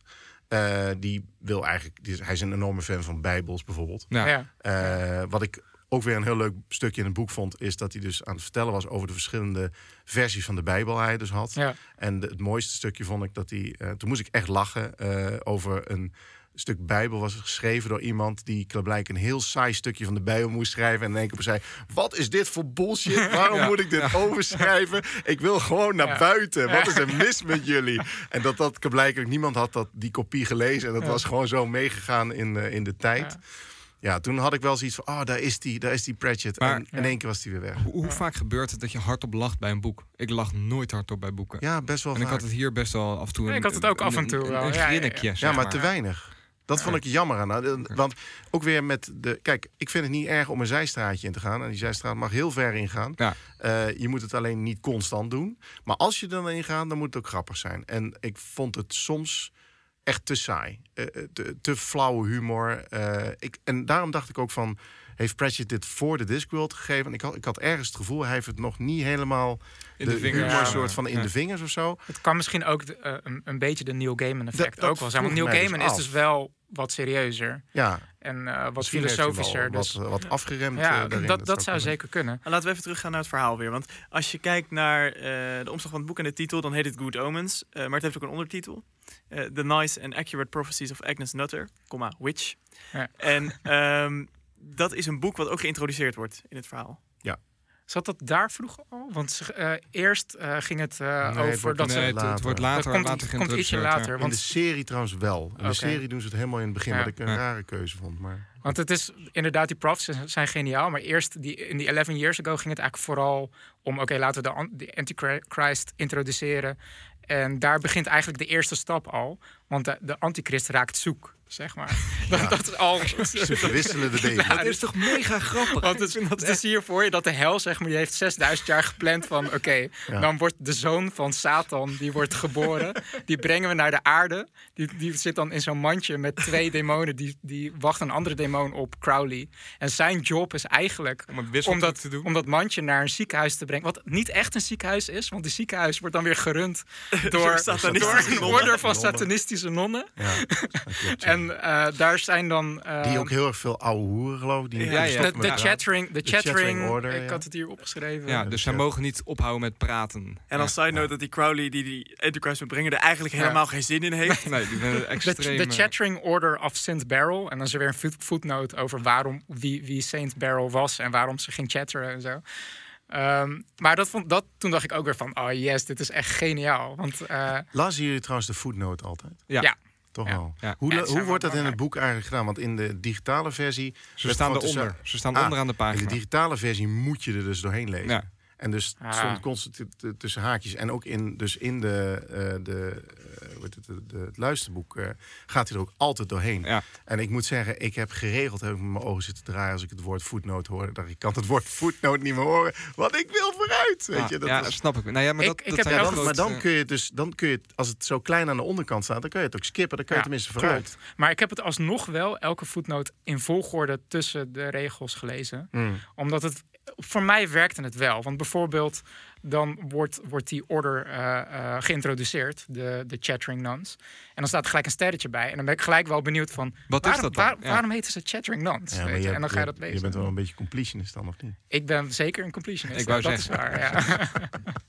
maar eh, Maar, die dat- Antichrist die wordt daar in het Extreem ziekenhuis gebracht. naar de sat- satanistische Ja. ziekenhuis gebracht. En het, Vond ik trouwens niet. Nee? Nee, nee want het concept is heel grappig. Dus het concept dat ze de We baby's... hebben volgens mij de boodschap door. Nee, nee, maar niet altijd grappig Ik wil toch even dat, want eh, de manier waarop ze het omschrijven, vond ik dus gewoon fucking saai. Nou, en het grappige is dat ik dus, ik dacht van, nou, het ligt gewoon aan mij. Dus ik ging de serie ging kijken en dat werd, er wordt vrij goed wordt dat nagemaakt. Baby A, baby B en dergelijke. Ja. Nou, ik zat dus met mijn vrouw en mijn dochter, zaten naar te kijken en ze zei, wat is dit saai. Ja? Ja, Nou, het Dus ik dacht van, ligt het nou aan mij? Ja. Of hebben zij gewoon gevoel voor humor? Dat kan Of, heeft niemand een gevoel voor humor? Dat kan ook. Ja, in Huis. Sanders hebben wij gewoon geen gevoel voor humor. Maar wat ik wel grappig vond, want dit is best wel een belangrijke scène. Want eh, Heel de, belangrijk. de bedoeling was dat eh, Crowley de, de baby zou wisselen met de baby van een soort ambassadeur. Die Ja. daar, eh, ze hadden toen geregeld dat eh, eh, ze- Amerikaanse ambassadeur. een Amerikaanse ambassadeur die vanwege een of ander ongeval of zo moesten ze naar een regionale ziekenhuis. Ja, En Die eigenlijk verdomd Brits was al. Ja. Ja, precies. Wat dan ook wel weer een deceptie was. Allemaal pre-planned ook. Ja, door precies. hel. Dus vrij simpel, baby wisselen. Ja. Maar er was dus ook tegelijkertijd een andere vrouw die aan het bevallen was. Uh, Gewoon een eh, regionale vrouw, de, de familie Young. En de de, Youngs. Ja, en de, de familie eh, die de ambassadeur was. eh, even spieken. Ja, hij wordt er uiteindelijk de, Dow, de Dowlings of zoiets. De, Ja, zoiets. Zoiets. Maakt ook niet heel veel uit voor het verhaal. Op zich niet. Eh, en toen kwam de zin van: oké, er er gaat nu iets bijzonders gebeuren. En schrijft hij letterlijk van: let's slow this down. Laten we dit, deze scène langzamer afspelen om te kijken wat er nou gebeurt. En toen dacht ik van: yes, dit is geniaal. maar uiteindelijk had ik hem zelf eigenlijk niet zo goed door van: wat is er nou gebeurd? Ik heb het later nog aan jou gevraagd. Ja. Heb ik, want ik had het luisterboek en ik had dat Ja. snel op. En ik, ik had het helemaal uit. En helemaal aan het einde vanmiddag stuur ik nog naar David van... joh, heb ik nou iets gemist? Of Ja. is het echt gewoon puur een foutje geweest van de nonnen... Ja, dat ze een baby ja. hebben gedaan? Ook, ik merkte pas in de serie begon ik het door te geweest. krijgen hoe de fout nou eigenlijk werd gemaakt. Ja. Maar hij omschrijft het inderdaad als zijnde van ja, als je zo op straat zit en je doet dan balletje, balletje. Balletje, Ja. balletje, Ja, dat is dat, wat is- het dat is. is een Ja, beetje ja, het idee. Of met kaarten, dat Ja. wordt dan ook zo in de, in de serie wordt ook gewoon uitgelegd. En eh, ik was wel blij dat ik de serie, dat stukje even op de serie gekeken had, want dat stuk begreep ik ook niet. Nee, nee. Maar wat. Dat is- en daarmee is het boek best wel, ook, eh, het, is, ehm, het is wel pittig Engels. Ja, ja, zeker. Engels. zeker. Dat moet Het is- wel erbij zeker, gezegd worden, Zeker. vind ik. Dat, daar ben ik het mee eens. Ik had Nee, daar, da- daarom zei ik net ook helemaal aan het begin... als je het kan. Dat Ja. was niet, niet, Ja. niet denigrerend of zo. Maar ik merkte Ik dat ik, veel woorden op moest zoeken af en toe. Dat Ik, Ja, ook. ja. Ik heb het eh, woorden, ja. woordenboek af en toe erbij gepakt. Maar op zich snapte ik aan het einde van het balletje balletje wel ongeveer wat er gebeurd Ja, er was. was iets Want- misgegaan. Dat was Ja, dat sowieso. duidelijk. Maar de baby van mevrouw Young, dus van de regionale Britse vrouw, die eindigde bij de ambassadeur. Ja. En die werd uiteindelijk Warlock genoemd. Ja. En Warlock zou dus de Antichrist moeten zijn. Ja. En Hel dacht ook dat dat de Antichrist was. Ja. Maar dat iedereen is dus dacht niet het Iedereen ja. dacht het. Eh, de, eh, de real Antichrist, Adam. Adam, die, eh, die werd Adam genoemd. Irony. Ja. Die kwam dus bij de regionale familie, eh, eh, de familie Young. Ja. En de, de Amerikaanse baby eigenlijk, die werd geadopteerd. En waarvan ze eigenlijk dachten van oké, dat zou de wisseltruc moeten zijn. Ja. Eh, en Ze later in waren het boek... allemaal blond met blauwe ogen ook, Precies. alle baby's. Ja, Ja. ja. Maar later in het boek komt dan ook naar voren waar die baby geëindigd was. En dat vond ik op zich wel een leuke Hij, touch. hij zit ook nog helemaal in de Ja, klopt, in het ja. laatste, uh, laatste De hoofdstuk komt hij ook nog even terug. Ja, Ja, dat klopt, ja. Ja. Ehm, ja. Dat, dat is eigenlijk eh, een, een belangrijk knooppunt in het boek. Eh, dat de komst van de apocalypse nog extra vermoeilijkt wordt doordat de divine ineffable plan eigenlijk al daar al mislukt. Door een Dat stomme, vind ik heel grappig. door Ja. een stomme wissel. Maar waarom eigenlijk? Omdat hij moet een zoon van een ambassadeur zijn om uiteindelijk dan zijn apocalypse te kunnen uitvoeren of zo? Waarom Nou- wordt hij in dat gezin geboren? Ja, ik, ik snap je vraag. Ik kan het niet beantwoorden. ik weet Nou, niet op zich, met mijn. Christian... Want ik, ik moest wel een beetje lachen toen je in het begin zei van... dit boek zit vol met eh bijbelse verwijzingen. Ben ik het niet mee eens. Want eigenlijk het enige wat je moet weten over de christendom is... dat... eh, want de, de Bijbel wordt niet echt verwijst. Het enige wat Hallo, het zegt... er worden zelfs eh, chapters worden erbij gehaald. Wat trouwens wel een briljante grap was. Which chapter are you from? Ja, oké, maar, maar dat vind ik niet een bijbelverwijzing zoals... Nou ja, je moet wel, je moet wel eh, eh, eh, de Adam en Eva, de appel, Ja. eh, dat er de Antichrist is, dat er de Four Horsemen of the Apocalypse Ja. zijn. Dat is niet iets wat je, als je de Bijbel niet kent, dan... Nee, maar volgens Ja. mij moet je de vraag stellen, Ruud, of je het boek dan niet begrijpt als je de Bijbel niet kent. Volgens Nee, nee, nee, nee, maar er is wel... Volgens kun je het zijn- prima precies. lezen als Tuurlijk, je de Bijbel nee, maar het wordt wel uitgelegd. Ja. Daar zit het probleem ook niet in. Alleen, Ja. ja, het is wel heel duidelijk geënt op Ik, ik dat denk, gegeven wat in de Bijbel wel omschreven ik denk dat staat. iedereen... Ik denk, ik durf een beetje te zeggen dat vrij veel mensen wel van de Four Horsemen van de Apocalypse hebben gehoord. Ik, ik ken En het van de anti- ik ben niet, niet, nee, helemaal niet en van de. Antichrist hebben gehoord. En Van dat dat een bepaalde link heeft met Armageddon. Zeg maar, Is met even, even, even een rondje. eh, christelijk opgevoed? Nee. Christelijk opgevoed? Nee. Yep. Christelijk opgevoed. Ja, ja. Dus we hebben twee mensen christelijk gezet. Twaalf Maar het jaar in de niet. kerk heb ik gediend. Om, ja, ik iets langer. Nog langer maar, zelfs. ja. Ja. maar ik durf wel. eh, Nou, laat ik het zo zeggen. Wat jij nu zegt van ja, waarom moest dat een Amerikaanse familie? eh, waarom moest dat een Ja, Amerikaanse familie zijn? eigenlijk? Nou, dat vergt misschien wel iets meer kennis. Want in, de, in Revelation in de Bijbel staat dat er een grote battle zal plaatsvinden Ja. in Megiddo, als ik dat uit mijn hoofd eh, ken. En Megiddo Ah. is een, een, eh, een plaatsje in Israël. En ehm, vooral ook in de meer contemporary Amerikaanse eh, Ja. christelijke dingen, die gokken eigenlijk een beetje dat de antichrist waarschijnlijk iets met de politiek te maken zou hebben. En Amerika is nog een grote eh, politieke macht en heeft een link met Israël. Fake Dus- nieuws. Fake nieuws. Ja. Ja, precies. Dus ik snap, ik snap wel waarom ze die keuze hebben gemaakt. eh, dat het een Amerikaans ambassadeur zou moeten zijn. Want die zal dan een reden hebben om naar Israël te gaan. Om dan de antichrist Ja. te Maar dat is brengen. dus niet gelukt. Nou, in, Nee, dat wordt hem. uiteindelijk... Vrij snel mis, ja. Ja, dat gaat nou, vrij snel fout, ja. een, een sluier eh, van het einde. Ik, oh, epiloog. Ja, ik weet wat je... Ja, ja, ja. Het, het grappige is dat om een of andere random reden op die zaterdag werd dus die eh, Amerikaanse ambassadeur naar Israël geroepen, naar, Me- naar ja. Megiddo. War, Warlock ging mee en die werd daar een beetje rondgeleid eh, in Megiddo. En er stonden en wordt, werd ook beschreven van ja, er stonden allemaal mannen met baarden en die vroegen van aan Warlock van ja, wat wil je nu doen? En Warlock dacht van weet ik niet, ik vind het hier best wel saai.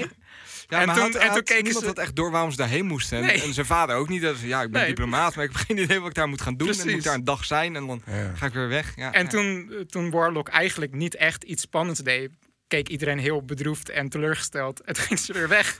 dat was de grote slagveld bij Megiddo. Dus, eh, Maar als je dat, soort dingen vertelt, dat Ja. wist ik dus niet. Ja, maar, dan, Ja. moet je, Maar- maar dat, dan moet je toch echt wel de Bijbel hebben gelezen. Ja, maar dat is, te dus de, e- dat is dus de begrijpen, enige reference voor een vrij klein grapje in de epiloog. Dus daarom... Ja, ik, ik had het gevoel Kijk, ik vertel er het nu heel enthousiast, maar... Ja. Maar ik denk, ik denk wel dat het helpt wel als je de Bijbel gelezen hebt. Geval een aantal. Bijbels Maar ja, je, je moet wel de, de, de, de, referenties en een de- beetje weten. En de humor die dan, hè, want er zijn ook een aantal steken natuurlijk die dan ook Nou, richting christendom worden Ja, waar, waar ik ook bijvoorbeeld om moest lachen, was dat dus ook eh, volgens mij in het eerste hoofdstuk dat uh, Aziraphale ook vertelt over dat hij die Bijbels verzamelt en zo. Ja. Maar dat hij dus ook die verschillende schrijvers en profeten heeft hij natuurlijk meegemaakt. Daar heeft het gewoon direct Wa- van ja, gekocht, ja. Waaronder eh, John, dat eh, was een van de twaalf apostelen van Jezus. En John, hij wordt ook wel John the Revelator genoemd. Ja. John Omdat the hij- Revelator. Ja. Ja, de Pest Put him in an elevator. Ehm, hij heeft Revelation geschreven, het laatste Ja. boek van de Bijbel. En uh, Aziraphale zegt dan van, ja, hij, hij zat aan shrooms, basically. Hij, hij, zat, hij zat aan de paddo's. Die zat aan Want paddo's, ja. eh, Revelation is ook binnen de Bijbel, zeg maar, staat ook, is best wel notorious, omdat het super vaag en psychedelisch is en beeldspraak en zo. Dus eh, daar moest ik ook best wel om lachen Nice, eigenlijk. eh. Nee, het is wat- zeker doorvlochten met humor. Eh, maar het gaat dus mis bij die baby's. Eh, hoe gaat het verhaal verder? Ja, dat, Ah, Nou ze komen elkaar eh, volgens mij tegen bij een. Dat stukje vond ik wel weer grappig trouwens. Bij een vijver. Eh, met eenden die blijkbaar een soort Pavlov-effect hebben. Op Ja, als ja. mensen met allerlei hele dure broodjes aankomen zetten. en besluiten daar eigenlijk met z'n tweeën om sowieso het flink op de zuip te zetten. Ja. En je, je krijgt ook een. En dat vind ik dan wel die hele mooie zijpaais. Dan krijg je ook een beschrijving over welk type brood door welk type mensen gegooid wordt. En dat Ja. er schijnbaar ook heel veel spionnen komen. En die gooien weer andere. En dus dat Ander zij. Dat eenden kunnen heel makkelijk aan het type brood dat er gegooid wordt. Eh, spionnen herkennen. Dat, dat soort grappen Ja. vind ik dan heel leuk. Er gebeuren nog twee andere spannende dingen eh, in dit deel van het boek. Maar je had gelijk. Agnes Nutter wordt al genoemd, haar Ja, boek. die wordt er nog. en de Four Horsemen worden geïntroduceerd. Ja, één ervan volgens mij. Oh nee, Nee, alle vier. alle vier. al. Alle vier al, ja. Eh, dus Agnes Nutter, de, de heks uit, eh, wat was het, 1600 of zo? Of nog iets eerder? Ja, Uit daar 16 ergens. Ja. Ja. De Nice and Accurate Prophecies. En Nice staat voor Nice precies. is. eh, ja? Ja, wat iemand dan constant moet uitleggen. Ja, ja. Ehm, ja dat, dat heeft. Het wordt geïntroduceerd. Dat, haar boek is de enige boek die altijd klopt of Ja, zo. nou, het is dus Eh, de enige prophecy die inderdaad helemaal 100% waar is. Eh, maar ook daardoor zo saai was. Want er zat helemaal geen, geen, geen ja, jeu of niks in dat eh, nul kopieën van verkocht zijn. Is maar één kopie en dat is het kopie dat de schrijver krijgt voor het uitbrengen van, van, van ja, zijn of haar boek. En dat Ja. heeft zij heel goed dat is de enige. Ja, ja. Maar ze had ergens ook wel een beetje meer geschreven voor haar nageslacht. Ja, eh, Ja. Zodat ze op basis van haar voorspellingen Ja. ook eh, wat, ja, Ja, toch wel wat rijk zouden vrij worden. rijk en, zouden eh, worden, ja, precies. ja, ja. En de Four Horsemen op zich vond ik dat ook best wel vet. Eh, Ik hoe, ook. eh, Horse People, hè? Horse People? Ja. Ja. er zit ook een vrouw bij. 2019. Heel inclusief. dit. Ja, want War is dus de vrouw, eh, Ja. oftewel Scarlett. Zij is een, eh, een eh, Female arms dealer. arms dealer en overal waar ze komt b- eh, b- eh, barst er ruzie los en gaan mensen met elkaar vechten en zo. Vond ik wel leuk. eh. Ja, nou, vind ik, vind ik, maar dan heb je weer, dat wordt ze omschrijven, of omschreven als eh, niet een per se heel goede eh, war correspondent voor, nou, welk blad was het ook weer waar ze werkt? Ja, een heel slecht tijdschrift. heel slecht maar, blad, maar, maar overal waar ze komt, ja. breekt de pleuris uit. Dus, ja, echt de intrigant Ja. van eh, Ja. Asterix. Ja, nou dat Ja. vind ik dan. Ik, ik hou heel erg van dat soort eh, Ja. kleine, kleine zijpaadjes in het verhaal. Ik vond famine best wel interessant. Hongersnood was ook wel een soort van kritische noot. Want zijn, zijn tactiek was eigenlijk eh, een soort van dieetboeken of kookboeken uitbrengen en zo. En Dat dan, is briljant als je dat kan bedenken. Nou ja, voor- vooral dat eh, eh, om mensen ertoe te drijven om een bepaald soort dieet aan te, Ja. eh, aan te wenden. Waardoor ze totaal geen eh, vitamine Geen of mineralen binnen krijgen. ja, ja. En vervolgens had hij er ook nog een, eh, later in het boek wordt er dan, eh, heeft hij dan andere food lines heeft hij opgezet. Ja. En bij één heeft hij dan dus een, een, een mealslijn heeft hij geloof ik. Klopt. Waar dan vervolgens dus nul ingrediënten zitten. Maar wel helemaal vol met, met vet gespoten. maar mensen is alleen maar dik van Dat werden. je heel veel honger krijgt. en dan vervolgens omvallen. Maar dan, dan zie je wel hoe extreem maatschappijkritisch dit boek was. En als je dit leest, dit soort dingen, Ja. of extreem, is misschien het verkeerde. Het is niet extreem, maar er zitten best wel een aantal dingetjes in. En dan Ja, lees je ja, het, vind ik, nog steeds als 2019. Zeker. Dat vond ik wel bijzonder. Dat je als je het dat soort tijdloos. Ja. Want Maar ook weer niet. Pollution, want da- daar Die, ook precies, mijn, mijn ja. christelijke achtergrond dacht Ja. ook meteen van pollution. Dat was, Pollution toch, niet, dat Nee, was dat- toch niet een van de Four Nee, Horsemen? Dat, dat was was, eh, ehm, Pestilence. de pestilence, ik de plaag, het, eh, ja, zeg maar. opgeschreven. ook. Later Maar- pas wordt dat uitgelegd. Hè, dat Ja. Pestilence, Pestilence had het gewoon opgegeven. Die dacht van, penicilline komt eraan, laat maar zitten. En dat Pollution vervolgens heeft gezegd, ja sukkel, als je er gewoon even was gebleven. Er was nog hartstikke veel leus te doen. Nou, dat vond ik Maar daar zit dus eigenlijk ook een kritische noot in. Want de Revelations, de Bijbel, die pretendeert dan de toekomst te voorspellen. Maar eigenlijk is pestilence in onze tijd niet meer echt relevant. Nee. Nee. Dus is de, klopt die voorspelling dus in de Bijbel dus ook niet eigenlijk. En heeft hij om zijn verhaal dus daar ook weer meer jeu te geven, heeft hij Pollution gekozen. Ik weet niet of je ooit eh, de, eh, hoe heet die fan ook weer, die die Office heeft gemaakt? Eh, Eh, Ge- Ge- Ger- Gervais? ja, Ricky Ricky Gervais. Ricky Gervais. Gervais. Rick ja. Gervais die, Ja. heeft ook, een- die is ook vrij christelijk opgevoed. Ja. En die heeft inderdaad een heel stuk op een gegeven moment over een, eh, over, ook over de Bijbel, maar ook over een kinderboek van de Bijbel. En onder andere over de, eh, of de Ark van Noach. En zo, waarom zie je geen, geen eh kangoeroes? Ja, ja, en, ja, die ken ik. Waarom Ja, zie je ja, geen ja. op de plaatjes van, eh, of überhaupt beschreven in de Bijbel? Ja, waarom niet? Australië was nog niet ontdekt. Ja. Ja, oh, precies. oh, oh, oh. Dat Ja. soort dingen. Ja, maar gewoon om eh, een beetje naar de. eh, dus de, in de verlengde daarvan. Ja. Eh, het is gewoon geschreven in een bepaalde tijd. Ja. En ehm, ja, ik, dat, maar ik blijf er toch wel bij dat er zoveel ver- verwijzingen naar de Bijbel eh, in zitten. Dat, Ja. dat je mist dan best wel veel. Misschien ben ik ook biased of zo. Dat ik denk van, god, dat weet je toch. Maar eh, Ja. dat, eh, daarmee neem ik misschien een te grote sprong. Goed. En, en Death was de meest saaie eigenlijk. Ja, Ik bedoel, Ja, nou ja, ik heb dus het luisterboekstuk geluisterd. En ik vond hem in het luisterboek had hij heel vette, diepe, Ja, een mooie ja, dat Echt wou ik dus vragen. oh. Want in het boek, elke keer als Death praat, Ja. was het gewoon caps lock aan, zeg maar. Alles in Alsof hoofdletters. hij alles naar je schreeuwt. Ja, precies. Dat Dus is elke keer... weird. nee, maar zo zegt hij niet. Juist Nee. in, dan is hij heel erg zo aan het praten. Zo. Echt, echt heel Nou, maar hoe, toen ik het boek las, Geweldig. had ik dus eigenlijk elke keer als Death eh Ja, sprak... maar zo, zo zijn wij heel erg geconditioneerd als nieuwe generatie. En misschien dat dat toen, toen het boek geschreven Precies. was nog niet zo was. Maar Ik had gewoon social media, YouTube comment. Ik ben boos. Zeg maar, ik vind dit stom. Dus dat, dat stemmetje had ik in mijn hoofd. Elke Nee, de stem, de stem van, van Death is juist heel mooi.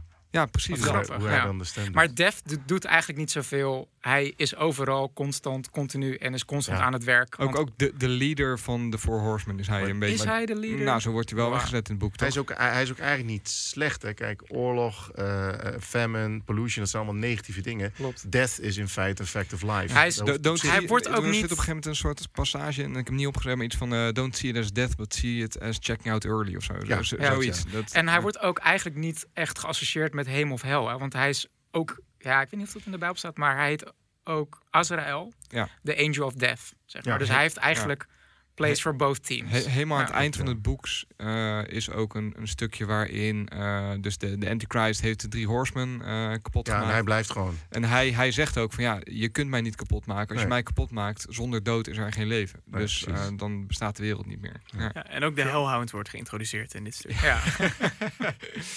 Ja, nou ja, die, ehm, want we zitten nog in die elf jaar geleden. Ja, dan, dan eh, Ja. eh, dat zou de, te- de teken zijn dat de antichrist zeg maar ontwaakt. Ja.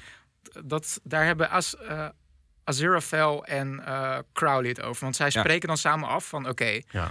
het is gestart. De baby is in de wereld gebracht. Zij zijn constant bezig geweest om met die baby eh naar goed en slecht in evenwicht Ja, te houden. ze huren een tuinier in en een nanny. dat En zijn zij zelf. Zij zijn het zelf. Dat had ik niet door. Ja. Is dat zo? Ja. Ja, zij vermommen zich als... eh, Dus in de eerste paar jaren van zijn leven... vermommen ze zij zich... Als een even kijken, tuinier eh, en een nanny. Dus eh, de nanny is eh, Crowley en Aziraphale is de tuinman. ja. Oh my god. Ja, en, dus, en zij beïnvloeden dus die nanny, die, die vertelt het Warlock dus allemaal hele Ja. enge verhalen Ja, tijdens ja. het slapen gaan.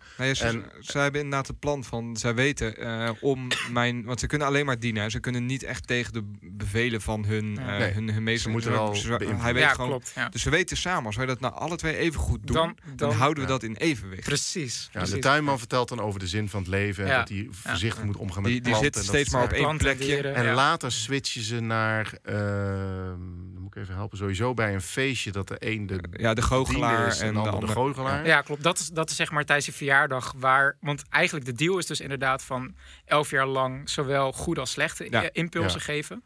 En eh, de trigger voor de an- Antichrist is eigenlijk wanneer hij zijn hond krijgt... Ja. Voor, voor zijn elfde verjaardag. Die gaat hij een naam geven En dan. die gaat hij dan een naam geven. En wat voor naam die geeft, dat bepaalt dan zeg maar de, het volgende traject van hoe de apocalypse ingeluid wordt. Ehm, ik wou daar nog iets over zeggen. Ja, oh ja, dat vond ik ook zo droog. Want Wa- eh, eh, Warlock, ze denken dus dat Ja. Warlock de Antichrist is. En de enige talent die Warlock dan uiteindelijk een beetje toont, is dat hij goed is in wiskunde. Ja. Van- En dat, daar waren ze een beetje teleurgesteld over. Van, hè, waar gaat het nou naartoe? Nou ja, ze hebben ook hele discussies over. Despite ja, their best efforts, Warlock showed a regrettable tendency to be good at math. ja, maar hij is ook heel normaal. En dan Ja. vervolgens zeggen ze, ja, maar dat is goed. Dat betekent dat we elkaar aan ja, het dat het zijn. werkt. Het Ja. werkt. En ja. ja, Hey, dan maken we een sprong naar woensdag. Elf jaar later, Elf de jaar verjaardag. later. elf jaar later. Naar Adam. Ik vond die stem van Adam irritant. Ja, snap ik wel. Hoe vond jij die? Ik ook. Het luisterboek. eh, Is niet nou, fijn, hè? Nou ja, maar ik denk ook wel dat het heel moeilijk is om in een luisterboek als volwassen persoon, een kind van Ja. elf, na, te, Ja. eh, na te praten. Maar hij kiest er in het luisterboek in ieder geval voor om een soort heel zware, eh, Ja. een beetje nadenkende stem die zo Maar, over maar het leven voordat, praat. voordat, voordat de luisteraar zo meteen hetzelfde probleem krijgt als wat wij in het boek hadden. Adam is dus de echte Antichrist. Ja. Ja. hij is de echte Ja. Antichrist, ja. En eh, we gingen naar de verjaardag van Warlock. Ja. En dat is ja, zeg dan maar komen de... ze erachter dat dan had, dan had de hond dus er Moeten moeten komen. komen. Ja, en die, die komt komt dus niet. Dus Ja. vervolgens gaan ze Ja. op zoek naar Adam. Precies. Maar die vinden ze nog niet gelijk. Ja. Nee, Ja, de verjaardag vond ik op zich ook wel leuk. Dat Aziraphale, die speelde een goochelaar. maar ook. hij wou niet eh, vals spelen, dus hij eh, deed het allemaal echt. En ze vonden Ja. er helemaal geen klap aan. Ja, ja, precies. Ja, want dat- ondertussen gedraagt zij zich op aarde dus wel gewoon als, als iets bovennatuurlijks. Dus hij zet zijn autolampen uit met een handomdraai. Ja, ja. En eh, in, helemaal in het begin dan zit hij, komt er, wordt, hij- ik weet niet meer welke eh, engel dat is, maar die wordt achtervolgd door een politieauto. maar ze en dan- proberen ook een beetje incognito te doen. Hè? Want het Ja. valt op als ze hun powers gebruiken. Ja, maar ze doen het Ja, ze- wel. Ja, ja. Wat ik nog wel een leuk detail vond is dat eh Aziraphale is dan zeg maar een, eh, een boekhandelaar. Maar hij is een dusdanige boekhandelaar waardoor hij eigenlijk op hele subtiele wijze ervoor zorgt dat mensen nooit iets in zijn winkel kopen. ja, ja. Want dat is eigenlijk zijn Ja. Hij, privécollectie. niks. Ja. eh, niks een doet hij- backroom, toch? Dat doet hij door constant een, eh, een pijltje te hebben zitten. Je moet hiernaast zijn.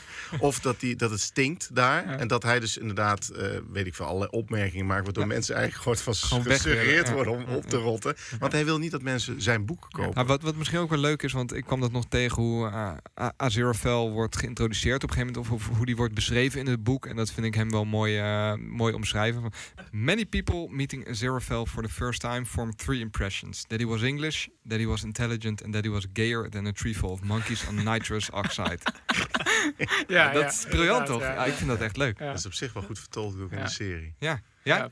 Ja, die is ook wel vrij gay. En in- En in twee daarvan zijn fout. Hè? Dus eh, er wordt ook bevestigd dat hij niet gay Ja. is en dat hij eh, ook, ook Oh ja, eh, inderdaad. Ja, ja. ja, dat hij, wat is het nou, niet gay in ieder geval. Dat wordt dan bevestigd. Ja. Nee, maar in woensdag dan, eh, die Hellhound die verschijnt dus wel, maar dus bij Adam. Ja, in eh, Ja. Lower Tadfield, een of ander dorpje eh, Ja. onder Londen, ergens die niet Maar jij had over, ja, daar had je het over. Maar ik heb het op Google Maps heb ik het gevonden. Niet, ik heb ook gezocht. Even. Ik heb het zelfs op Wikipedia gezocht dat het dus een fictieve, maar een Maar soort stand-in moest zijn. Ik heb alleen maar Tadfield Road gevonden, wat ergens een straatje is. Het wordt hier nu live gegoogeld. Oh, nee, dat klopt. Ja, het is Tadfield Road, hè? Tadfield Road, ja. maar... Of Tadfield Crash. Ja, nee, Ja. dat klopt. Ja. Dus Lower Tadfield is, is wel een niet bestaand dorpje, waarschijnlijk onder Londen. Ja, Wat dus een soort Ja, stand-in is dit voor is de Tw- 20 doorsnee dorp van in, eh, in, eh, in Engeland. ja, waar het altijd eh, heel gemiddeld weer is. Ja, Altijd, ja, ja, inderdaad. Ja, super vreemd. Ja. ja, Ja. ja. Eh, en daar wordt dan Adam als elfjarige geïntroduceerd met zijn cronies. Eh, Dat vond ik trouwens ook saai. ja, ik had dus dat. Ik, want voor Snap mij was wel dus, trouwens, dus ja. Adam wel uiteindelijk een van de hoofdpersonages in het boek. En ik vond Adam wel echt een van de minst leuke karakters. Omdat Ja. hij. Ik vond het gewoon een beetje een rotjoch ergens. En Ja. een beetje bedweterig. En gewoon een beetje de vervelend. Antichrist. Nee, het, ik Ja, vond juist als elfjarige wel ja, goed ja, omschreven. Dat Ja, maar wel- gewoon het hele, het hele concept en omschrijving van zijn gang vond ik gewoon The Dams. boring. Ja. Ja. Ik, dacht, ik dacht boring, moving along. Dat, dat is wat ik op dat moment wel dacht. Ik vond het juist weer grappig worden als die Doc dan, of eigenlijk op dat moment nog de Hellhound, in de buurt komt en vervolgens hem hoort praten over, ja, Ja. ik ga een hond krijgen en zo gaat hij eruit Ja. zien. En dat hij vervolgens zichzelf helemaal van, van uiterlijk verandert. Ja, Ja, want dat- hij heet dus Dog, gewoon Ja, hond. Vind ik ook jammer. echt geweldig. En dat verandert... jammer?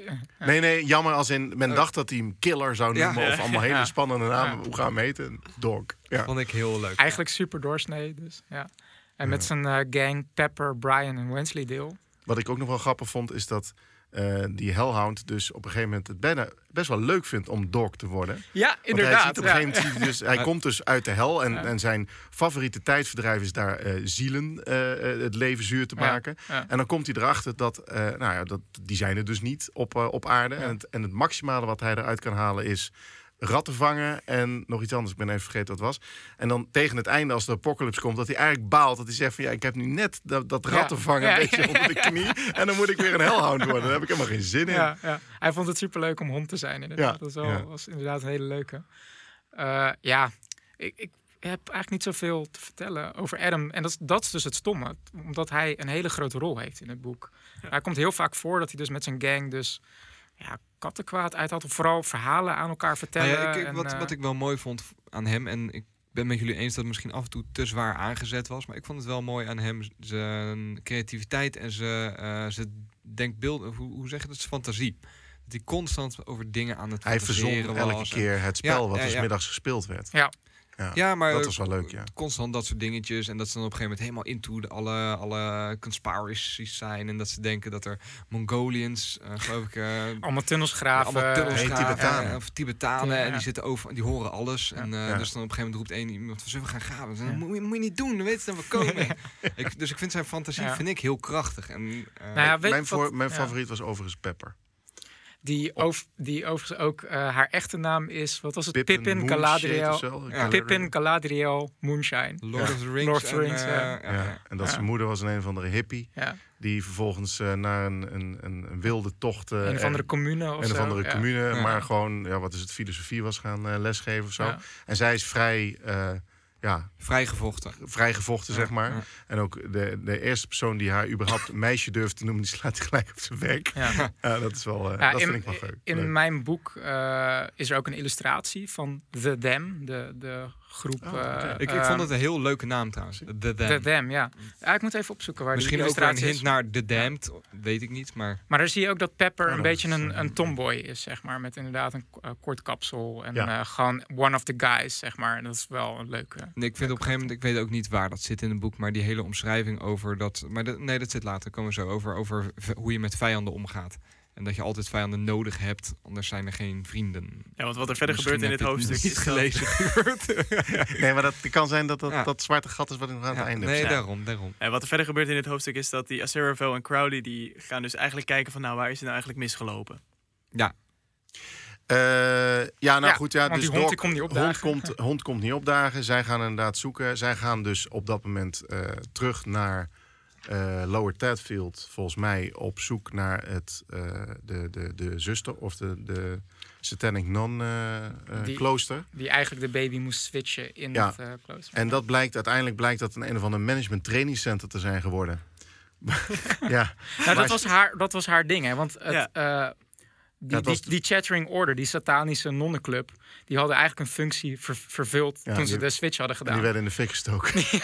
bedankt, houden we Zo bedankt. van, eh, en eh, Mary, die bleef dus over. En die, Loquacious. ja, ja, en Ja. Die, ze, noemde, eh, ze had haar naam veranderd in Mary Hodge.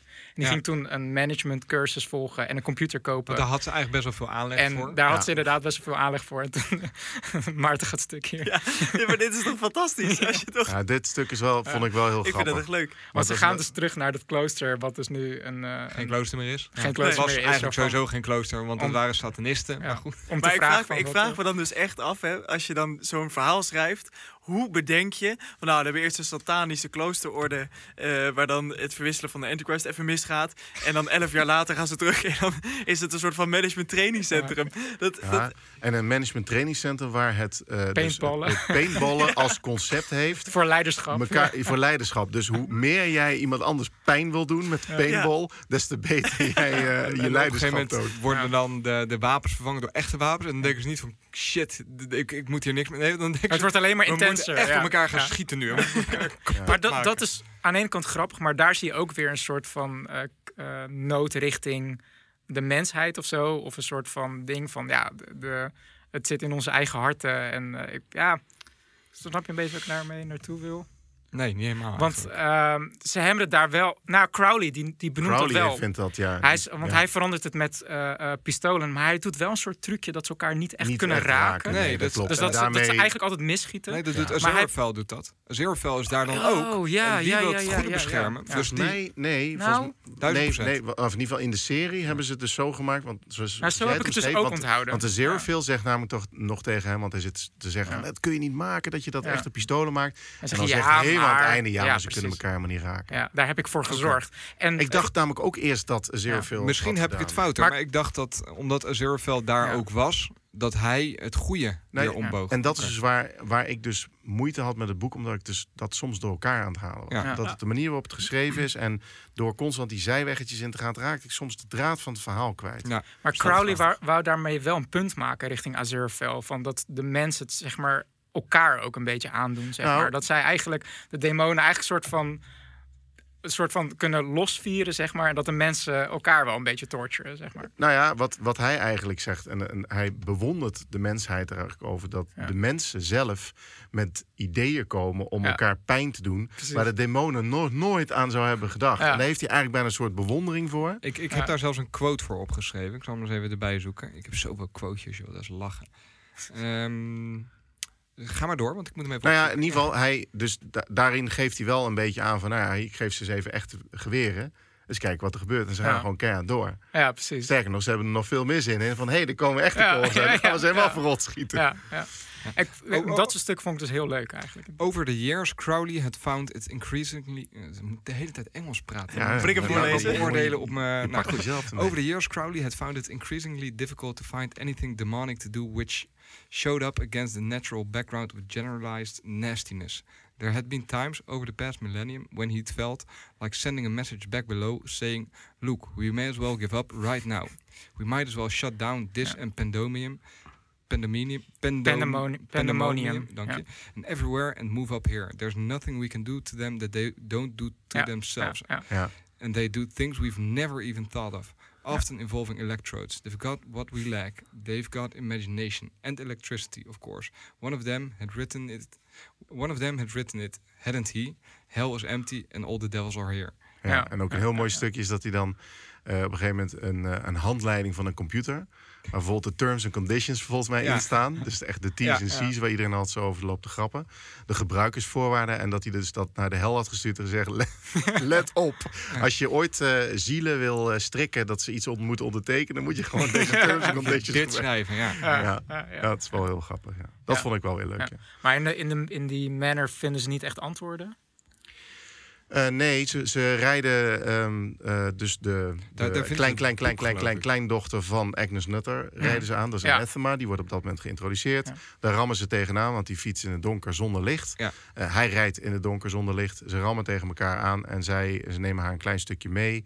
Eh, en zij laat per ongeluk laat ze het boek in hun auto liggen. En Azuraphale repareert de fiets van eh Anathema Ja. iets te goed. En die zorgt dat er ineens een, dat die achter op de auto kan. En, eh, Ja. Ja. Hè, en ik had toch helemaal geen fietsspel? Ja, en ik had er Ja. geen... I'm eh, sure I did not have gears. Ja, ik, ik had er geen versnelling. En, dat, nou ja, en eh, hij was het een beetje doorgeslagen. Ja. Ehm, nou ja, en dan rijden zij weg. En zij komt er dan later achter eh, dat ze de boek kwijt is. Ja. En Ja. zij raken dan dat? een soort van zijspoor. Want Het eigenlijk boek van Agnes Nutter, toch? Dat is, Ja, dat is ja, het boek ja, van Agnes Nutter. Ja. En eigenlijk geven zij het op dat moment soort van op. Dan gaan ze eigenlijk hun eigen weg, volgens mij. En, Daar stopt hun verhaal. ja, Oh, Ja, voor even. Tenminste, Ja, het wordt, eh, er wordt flink op pauze gedrukt eh, bij eh, dat stuk bij eh, Crowley en eh Ja. Azuraphale. En daar, daar had ik wel moeite mee, zeg maar. Dat Ja. is waar het bij mij ook Ja. op, tot Ja. een grinding halt kwam. Ik had, ik was, het- het- het- wa- toen ik het boek aan het lezen was, dacht ik van nou, als het over Zerofil en over Crowley vond, Mhm. en vooral Ja. Crowley vond ik wel, eh, zeker zijn, zijn hele cynische kijk op Ja, sommige ja, ja, dingen, ja, zeker. vond ik dan leuk. Denk van nou, dat trekt me er wel doorheen. Maar toen, op dat moment, ging het dus inderdaad alleen nog maar over Adam en Over zijn. Adam, Adam en, eh En de heksen. Anna, en, En de- Anathema en, de heksen. En ja. inderdaad. En ja, toen Ja, snap ik ergens vond ik het moeilijker Ja. Zullen we het daar dan even over hebben? Zullen Ja, dan gaan we naar donderdag. Ja. Thursday, dat is het volgende hoofdstuk. En daar komt onder andere in voor dat eh, eh, Anathema, of Anathema hoe je het wil noemen, komt in eh, Lower Tedfield wonen. Ja, was dat, maar zij ging daar toch ook wonen omdat ze een van die ja, voorspellingen ja, ze had geïnterpreteerd. Ja, dat ze in het daar, boek daar stond, kon ze uiteindelijk Ja, Lower maar dat boek had ze dus niet meer, toch? Nee, maar ze had wel een soort Rolodex met allemaal kaartjes. Ja. En in mijn versie van het boek waren al die kaartjes ook helemaal uitgeïllustreerd met eh, eh, de tekst van Agnes. En daarnaast Ja. allemaal notities van de verschillende generaties eh, die dat proberen te interpreteren. Ja. Omdat, het, omdat ze erachter kwamen dat eigenlijk heel veel profetieën vooral over hun familie ging. Ja, en ik denk dat daar wel dat het wel toch wel een beetje een rode draad begint te worden. Dat het heel belangrijk is, is wat je leest. Want Ja. als je dus in het luisterboek aan het lezen bent, Ja. Of aan het Aan luisteren het bent, luisteren, ja. eh, dan wordt dat dus voorgelezen. Nou, dan, dan zegt Nee. het je dus helemaal niks. Nee, dat is wel waar. Die, die, Ja. die Dat is echt profeties van zelfs. Agnes, die, Ja. die, die, die, ja, ik versta niet eens wat ze zeggen. Nee, en ook in, het, eh, ook in de, in de, in de EPUB variant vond ik het ook Maar slecht eh, weergegeven. Dat is dus wel fijn het, het, ding. Want ergens zit daar sowieso in het boek... ehm, wordt daar een soort middeleeuws lettertype voor gebruikt... voor haar profetieën. En ehm, Agnes kan zelf... Je moet je zeg maar voorstellen dat je dan eh, een link hebt naar de toekomst... en dat je dan eh, computers ziet en eh, fietsen. Ja, en, vond ik ook heel en, zij, en Ja. zij probeert dat soort van te beschrijven. ja. En heel veel gebeurt zeg maar nu. En je weet ook gewoon qua technologie is gewoon de afgelopen jaren is er gewoon heel veel gebeurd. Dus al die generaties hadden constant zoiets van, ja, wat gebeurt er nou? En eh, eh, voor wie heeft het invloed? En waarom het boek dus ook in het wijde publiek ook niet ehm, eh, aansloeg. Want er wordt één voorbeeld gegeven van dat een jaartal dat volgens mij Kennedy die wordt, eh, Wordt, ja, wordt neergeschoten. gekild, Maar dat schrijft ze niet op in het boek, want op, het, op dezelfde dag stort er ergens in een random dorpje in Europa stort er een gebouw in.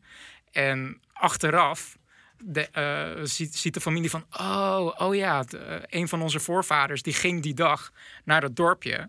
Dus dan wist hij van, oh shit, ik moet die straat vermijden, Die- die want te een gebouw waarschuwen. stort Ja, in, ja. zeg maar. Wat ik, Dus dat was haar enige doel maar eigenlijk. wat ik wel leuk vond, eh, was dat je op een gegeven moment ook te horen kreeg eh, dat de voorspellingen die zij toen de tijd deed, eh, gezien werden als heel raar. Dat ze zoiets had, nee, je moet je handen wassen tegen de rare kleine inderdaad. beestjes die erop Ja. zitten. ja. Terwijl iedereen Ja. toch weet dat Ja. je juist je handen heel vies moet laten als beste Ja. defense. Ja. Meer van dat soort dingen. Hè, En dat kleine je- beestjes op En handen. dat je moet investeren in een man die Jobs heet die met een appel komt. Ja, Ja. precies dat. Of eh, vermijd Betamax. Ja, inderdaad. Verwijt Betamax. Be- Maar maar Betamax dan op Ja. een middeleeuwse manier geschreven. precies, ook Maar ook dat, andere die spelling. humor Ja. verlies je dus als Ja. je dus naar... Eigenlijk denk ik Ja. wel de rode draad, niet het luisterboek luisteren. Maar toch Ja. ook weer wel. Ja, nee, ik snap Ja, het wel. ja. Ja, ja. En ik vond de flashback ook heel leuk. eh, eh, dat je toen. eh, in, naar de tijd van Agnes zelf ging. Naar de dag dat zij verbrand werd. Dat ze de brandstapel op moest. Wat zij dus ook had Ja. voorspeld voor zichzelf. Dat was dus zij was ook eh, zelf zo van, oké, get on with it. Zeg Ja, maar. en dan Maar dat was ook kruid, zelf- onder de, kruid in de, in de buskruid, kruidzakjes. bus- in de, met spijkers. Dat met spijkers in haar jurk Ja. genaaid. En dan Ja. vervolgens op de brandstapel. Zo, nou jongens, eh, steek maar aan. Ze zegt van tevoren ook nog, bom. je moet even wat dichterbij komen staan en zo. En een voorvader van een ander belangrijk karakter, Ja. Newton uh, Pulsifer. Ja. Eh, Thou shalt not uh, uh, uh, commit adultery, Pulsifer. ja, dat is de voorvader van Newton. Da- eh, en hij komt uit een familie met meerdere kinderen. En al die kinderen die waren dus allemaal- ver- vernoemd naar een Dus- van de tien geboden. Ja. Ja, ja, precies. Ja, ja, ja. ja, ja. En hij is zelf heel erg into computers, maar hij is er niet zo goed mee. Hij heeft een extreem talent om alles juist Kapot te kapot Dat, te is, dat is maken. Newton. eh, ja. En zijn voorvader was de, de Witch eh, Finder, niet Witch Hunter, maar Witch Finder, die eh, Agnes eh, had geïdentificeerd. Ja, ik, ik vond dat zo. wel, ondanks dat ik het boek aanraad, een wat minder gedeelte, de hele Witchfinder Ja, eh, community. Ook dat hele verhaal eh, met vond- Shadwell dacht ik van, oh Pakt- pakte god, mij ook niet maar helemaal. Nou- Shadwell, wat is Shadwell? Shadwell was, ja, uiteindelijk, misschien gaan we dan, ja, dat is eigenlijk op Ja, de is- Friday chapter. Ja, dan wordt er een stukje verteld over eh, hedendaag, eh, dus de, hoe, hoe de orde van de, de heksenjagers eigenlijk Ja, eruit ziet. Ik interpreteerde dat er eigenlijk maar één gast was overgebleven en dat was Shadwell. Ja, van was die hele zo. orde. Ja, maar. Shadwell was eigenlijk de enige en Ja. Pulsifer was eigenlijk, nou nee, er waren nog meer hoor. Nee, hij heeft juist heel veel mensen op de payroll nog staan, zodat hij extra geld krijgt. Ja. Maar daar krijgt hij geld voor, maar die bestaan niet. Oh, dat was en dan houdt hij Kijk, Crowley, en, eh, want mis hij zit zowel Crowley als, eh, hoe heet hij, Azrael. eh, Ja, die, zit, die, die, die, willen- sponsoren hem. Ja, tuurlijk, die willen een beetje een vinger in Maar de pap hebben. Shadwell, dat, is, dat, ja, dat moet een een of andere rare schot moet dat voorstellen. Of in ieder geval, zo wordt hij in het luisteren. Nou, dat is dus het ding. Dat eh Shadwell begon bij mij te groeien. Eh, toen ik doorkreeg dat ik eigenlijk dat de tekst in mijn hoofd hardop moest oplezen met een Schots accent. Ja. Want in het boek staat het vrijwel fonetisch Die- geschreven. Ja, ja. En hij had dus bijvoorbeeld ook een buurvrouw, een andere ja, die belangrijke... die Harlot aan het uitmaken. Ja, zo. yeah, horror of Babylon. Zo'n stem hoorde ik dan in mijn hoofd. En eh, dat vond ik wel grappig eigenlijk. Ja, en dat was ook een van haar bijbaantjes, geloof ik. Ze was ook prostituee, ze, ze was prostituee en ja, alleen op donderdag of zo. Ja, alleen op toch? Donderdag. eh, en, en de andere dagen was ze een Medium of zo. tarotkaart. Een tarotkaartlezer, ja. ja. Dus eh, als je haar belde, was het van... eh, als je dus eh, iets eh, van de pikante kant wou van... Nee, dan moet je donderdag zijn. Ja. Dus dat, eh, Ja. Maar ik, ik vond Shadwell, ja, die stoorde mij. Ik weet niet Ja, waarom. ik heb geen één keer om Shadwell gelachen ook. Nee. Ik vond het... Nou, vond ik het- wel de hoor. beste, eh, dat, is wel, dat is twee hele andere ervaring als je dus Ja. versus wanneer je het leest en wanneer je het Het, luistert. het lag er misschien te dik bovenop bij het luisteren. Zullen we gewoon naar de, eh, knip de apocalypse gaan? Ja, Ja. Eh, want eigenlijk waar het gewoon op neerkomt... precies. is dat eh, eh, via het boek van Agnes... en eh, wat Anathema dus aan het Zal ik hem interpreteren is... even, als dat, dat het goed te knippen is? Ja. Oké, ehm, laten we een klein stapje vooruit maken en laten we even richting de apocalyps gaan. Eh, David, trap hem af. Nou, nou waar het, wat, wat, En waar het- vanaf nu alleen nog maar stilte. hoe je het zou kunnen samenvatten, is dat alles gaat nu richting eh, Lower Tedfield, dat dorpje. Want eh, de, de Four Horsemen die hebben een soort, ook een soort natuurlijk instinct, net als de hond, dat ze, eh, ze weten waar de Antichrist is, dus daar gaan ze naartoe. Ehm Anathema, die weet het door haar boek, door haar profetieën. Ik weet niet zo goed waarom Newton naar, naar Lower Die, die was bij. Anathema eerst. En, maar hij, nee, hij had dat Nee, weer had- geïnterpreteerd daar. hij had- en hij zag, dat is gek dat hij hij had, weer eh, daar hij had Ja. want was, dat was wel grappig, hij had eh, een constante discussie met Shadwell. Ja. Want Shadwell die zei gewoon van, je moet alleen maar zoeken naar krantenknipsels waar... En meerdere Waar tepels. alleen En je maar, moet alleen maar nederige tepels inderdaad moet tellen. En eh, waar hele typische heksen dingen gebeuren. Ja, ja. En hij zei, hij was eerder aan het kijken naar anomalies, naar eh, phenomenon. Daar had hij Precies, want Newton hij- was niet zozeer bezig met apocalypse, maar met heksen zoeken. Daar komt het gewoon op neer. Ja, en dat was eigenlijk zijn opdracht, maar hij, hij, Hij belandde niks. soort van in En vervolgens had hij dus bedacht van nou, en toen zag hij dus een aantal rare fenomenen zag hij ontstaan. En op basis daarvan kwam hij bij Lower Tedfield. Kwam die uit. Ja, ja, ja precies.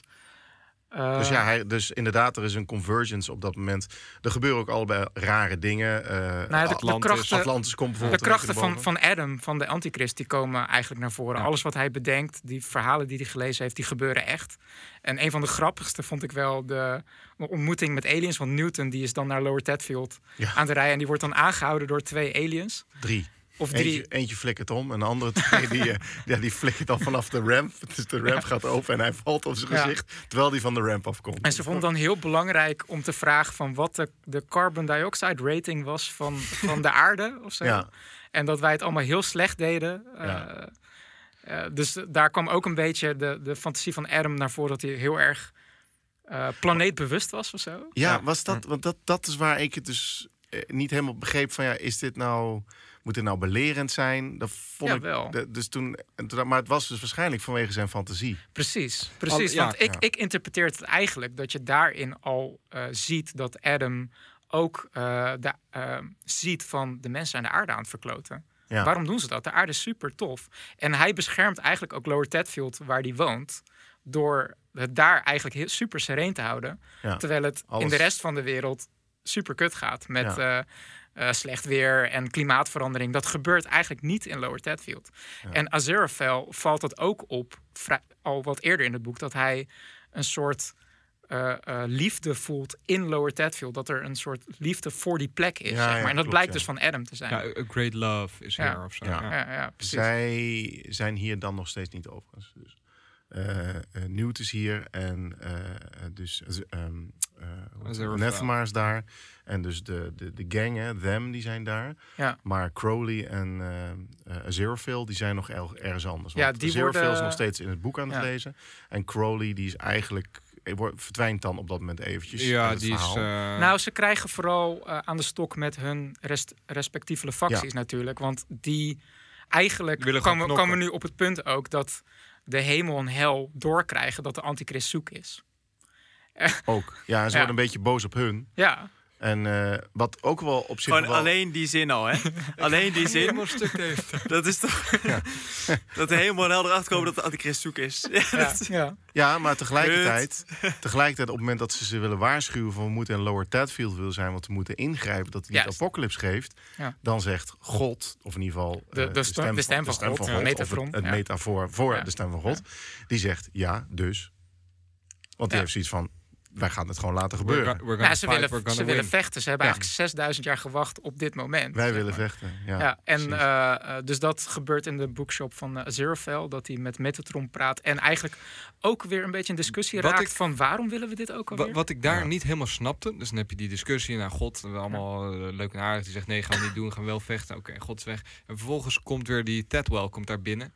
Heeft zijn, Shadwell, ja, ja, Shadwell, ja, ja, ja. Heeft zijn hand nou echt kracht? Of wat gebeurde daar? Dat, Nee, daar moest ik hard op, hij daar moest ik echt om lachen. Hij, die, wat hij had gedaan is, hij had Ja. een pentagram op de grond getekend Ja. om met die De Meg- te kunnen Megatron praten. te kunnen Ja. praten. Megatron. Of me- Ja, ja, Metatron. Metatron. Me- Metatron. Megatron. Maar volgens mij is het daar wel, komt het daar wel vandaan. Nee, Me- Metatron eh, komt, ik weet niet of het uit de Bijbel komt of uit de Kabbalah, maar het is wel een officieel Joods eh term voor de stem van God. Ja, maar de kinderen die refereren er ook constant aan. Maar die refereren er volgens mij juist vanuit Megatron aan. Is- Omdat ze ah, constant ja, dat het over gebeurt. autootjes Ja, hebben. Die kunnen veranderen. Zeggen nee, het is Metatron. Oh, dat is wel, eh, wel grappig eraan. Eh, maar volgens mij wat er gebeurt is... Om, is hij, is, hij is aartsengel met God aan het praten. trouwens. Wat zeg je? Het is een aartsengel volgens Google. Ja, de Metatron. Ja. Ja, Hij is, met, eh, hij is met God aan het praten en die Shadwell die ziet dat. En eh, op dat moment stapt hij per ongeluk in dat pentagram. Ja, En dan klopt. verdwijnt Ja. hij. Maar terwijl die zijn, want hij, hij, hij ziet het gebeuren eigenlijk dat Aziraphale eh, met een pentagram en een blauw licht aan het praten is. Ja. Dus die, zijn witchfinders eh instinct komt gelijk naar voren en die s- hij gebruikt hij zijn vingers inderdaad. Nou, op een gegeven moment, Ja. hij is in één keer is hij heel erg onder de indruk van zijn eigen vingers. Ja, want hij- omdat hij denkt dat hij echt de krachten heeft. Hij maar denkt, dat heeft hij helemaal niet. het hele boek lang denkt hij dat hij kracht heeft. En dan Dat- gaat hij ook ik vond gaat hij zonder geweldig, wapen ja. gaat hij overal naartoe. Want hij Ja. zegt, I've got my hand. Ja. En, eh, ja. Want eh, hij veroorzaakt wel eigenlijk dat Aziraphale zijn lichaam kwijtraakt. Hè? Want eh, hij raakt dus die pentagram aan terwijl Aziraphale zegt dat dat niet moet gebeuren. Ja. Maar hij doet het toch. En dan verdwijnt Aziraphale en Ja. het blauwe licht in één keer. En dan vervolgt ook een hilarische eh, sequence aan gebeurtenissen. Want Aziraphale heeft geen lichaam meer, maar hij probeert wel op aarde te blijven. Ja. En dat doet hij door constant mensen die soort, eh, met een soort seance bezig zijn in verschillende culturen. Ja. Ja. Dus dan opent hij bijvoorbeeld met een, eh, iemand in Australië, die met een walkabout bezig is. Een Ja. walkabout, dat, is, dat komt uit de Australische, de aboriginal cultuur. In zo'n tentje met, met een soort sauna eigenlijk. En dan ga je met je ancestors praten. En opeens komt uit de mond van, van die ab- aboriginal komt een zeer vol stem van... Oké, waar ben ik? Wanneer is het? En, en dan zegt hij ook van, ja, waarom, waarom klink je een beetje als een sissy? Ik zeg, oh, je bent uit Groot-Brittannië. Oh, volgens mij ben ik in Ja. Australië. Ja, ja, zeggen, en dan gaat het vervolgens door ook naar... poefer, poefer of zo noemen ze dat, Ja. geloof ik. Ja. Ik zal het niet zeggen, want ik heb geen plopkap. Nee, ja. Een van de grappigste vond ik een, een eh, Die Amerikaanse die ja, die. TV-evangelist, die Ja. eigenlijk een soort scammer is. eh, dus doet alsof hij bezeten is door, of een soort van eh, in tongen praat, zeg maar, en, en met de hemel praat en mensen geneest en zo. Maar Ja. dan wordt hij echt bezeten door Aziraphale. Op live tv. Die dan ook. vervolgens eventjes alles gaat weerleggen wat hij juist Ja, ja, heeft gezegd. ja. Van nee joh, dat is helemaal niet zo. En eigenlijk eh, ja, Ja, klopt geen hout van. klopt geen hout En van. eh, uiteindelijk eindigt hij bij eh, de buurvrouw, Buurvrouw van, van, van Shadwell. Shadwell, Dat ja. is... eh, die met een seance bezig is voor de, Madame Tracy. met een aantal mensen. die, onder andere een vrouw die wil haar met, Ja. haar man praten. En op een gegeven moment krijgt ze ook hem te spreken. Maar Ja. eigenlijk na een heel lang verhaal dat hij tegen haar zegt... Shut the fuck up. dat vond ik wel Ja, grappig. mooi. En dat is dan ook een punt waarvan ik dan wel benieuwd ben hoe dat dan in de serie gebeurt. Want dan speelt Madame Tracy twee rollen eigenlijk. Want Aziraphale lift met haar lichaam mee, Ja. zeg maar. Ja, ik moet eigenlijk dus de, ik heb de serie eigenlijk gekeken tot, eh, tot en met het stuk dat ze in Lower Tadfield komen. Dus nog wel de aanrijding en dat Dat soort is wel dingen. vrij ver. Ja, maar dat was in de tweede aflevering was hadden ze dat al besproken. Dus ik dacht van, nou, Oh, wauw. wel best wel Oh, er zit lekker tempo in dan. eh, Ja, maar ik denk dat ze toch Alles gebeurt op meer- zaterdag, Want dus, het eh, is ja. zes afleveringen volgens mij uit mijn Ja, het is een miniserie. Ehm, dus ja, ik denk Ja. dat we die gewoon nog moeten gaan kijken. ja. En, of in ieder geval, en ik- eh, ik- Crowley die wordt achtervolgd door Hastur en Lieder. Vond ik ook heel grappig. Ja, Dat hij dat, eh, heilige water in- gebruikt in- op een emmer op de Nee, deur maar e- eentje verder. Dat hij hem dus trapt in een bandje, een cassettebandje. van Ja, ja, want hij- apparaat. Hij, dat vond ik op zich cool bedacht. Maar ik dacht ook van, oké, wat gebeurt er nu? Want eh, hij, Dat is een beetje onduidelijk. Hij had Ligor had hij gepakt met eh heilig water, Ja. wat hij verstopt had voor, een, eh, voor dit soort situaties. Ja, dan had hij een Maar emmer op de deur gezet. Dat hij Precies. zegt, kom maar Ja, binnen. ja. En, eh, Maar Hastur had hij gemist, dus dan was hij eigenlijk soort van eh out of... Hij ging bluffen. Hij had een plantenspuit bij zich, ja. waar hij deed alsof daar heilig water in zat, maar Hastur zag al een druppel uit die plantenspuit Ja, eh, richting zijn hand gaan. Dus hij wist dat hij blufte.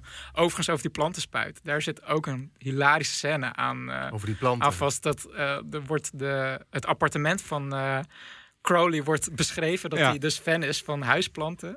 Maar hij heeft en dan had hij in een documentaire of in een, hij had in een boek gelezen of zo dat het, dat het goed is om tegen je planten te praten.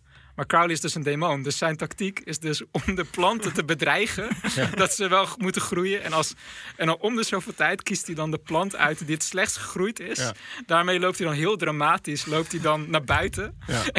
en dan komt hij terug met, een, met alleen maar een plantenpot met aarde. En gaat hij zo heel dreigend langs al die Ja. andere planten. Van kijk, als jullie niet doorgroeien, dan is Ja. dit wat er met jullie gebeurt. zijn, Ah, zijn denk dat planten dit- waren de mooiste van de hele buurt. Nou, ik denk dat dit wel typerend is Ja. voor het boek. Dat, ehm, eh, en wat Ruurt als, als nadeel beschrijft, dat je dus inderdaad op alles een zijpaadje hebt. Ja. Maar dat ze met eh, veelal Ja. met veel humor beschreven zijn. Maar dat dit wel iets is dat wil je de rode draad van het boek blijven vasthouden. Ja. eh, dat, je, lastig.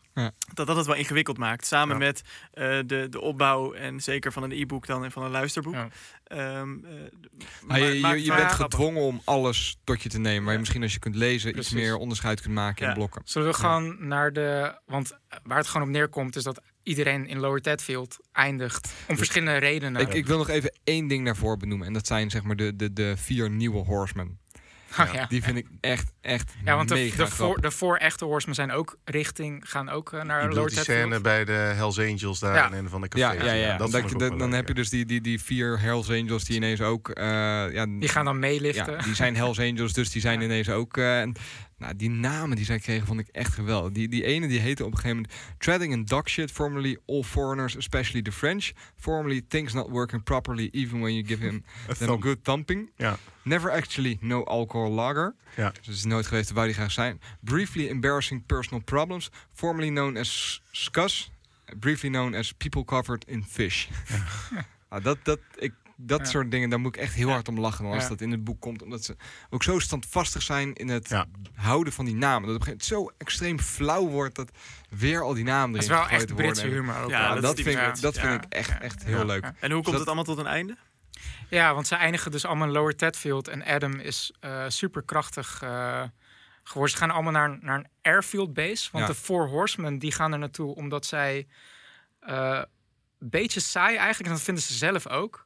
Dat ze via een computersysteem, via eh, het computernetwerk van die Amerikaanse eh, basis... die naast Lower Tedfield is...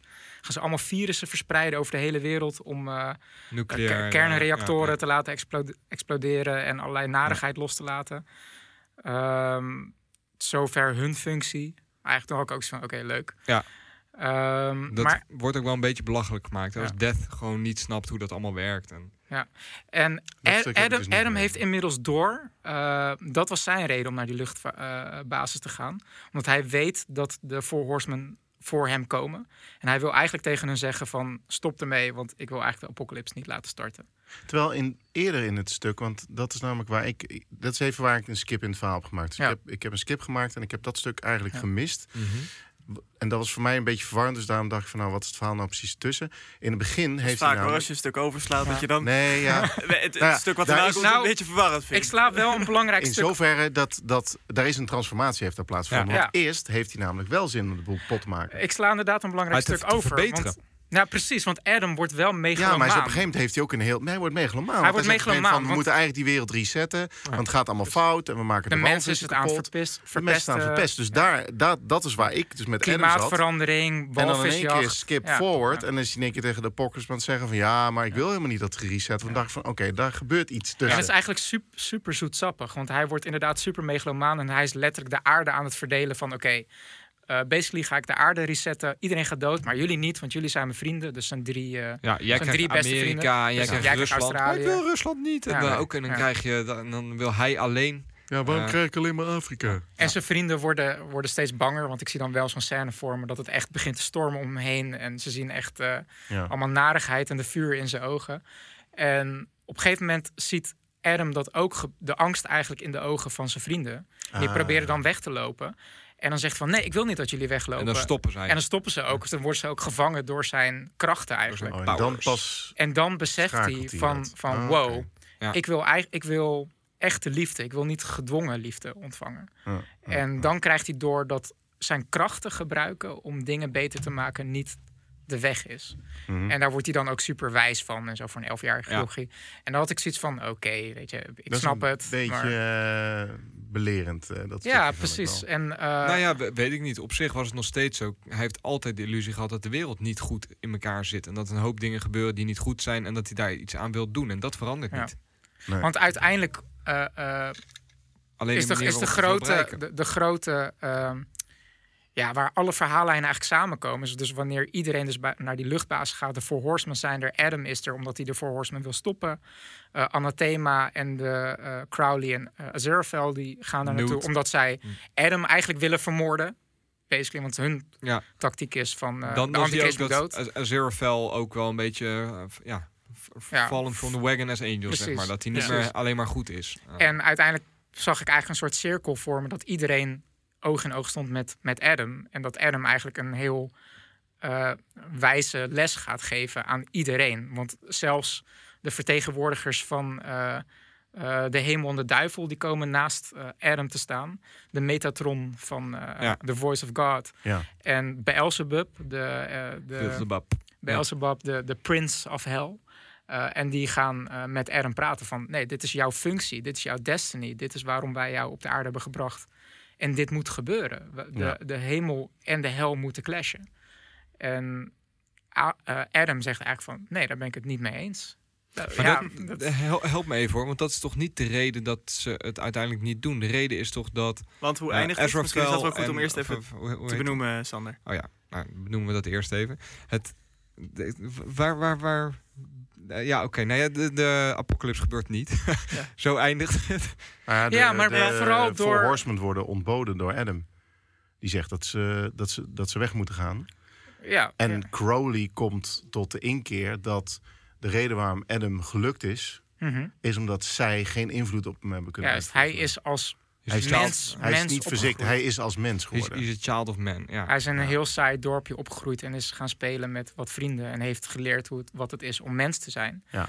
Ik weet, ik kan me niet meer zo goed herinneren hoe Maar- Adam de Metatron en Beelzebub heeft overgehaald om te stoppen. Ik, volgens mij, dat, dat is het stuk waar ik dus eh, nog, wat ik, Vol- waar ik volgens naartoe ben mij zijn En- toch de twee uh, en Crowley... die maken hun wijs dat er een groter plan nog is. het, Dat was vooral, of het was vooral Azure van Crowley. Hè? Ja, dat ze een soort loophole, maken, loophole ja, vonden. Zij zeggen van nee, jullie worden ook getest. En hoe weet je nou dat alles wat er gebeurd is, dat dat voorbestemd is?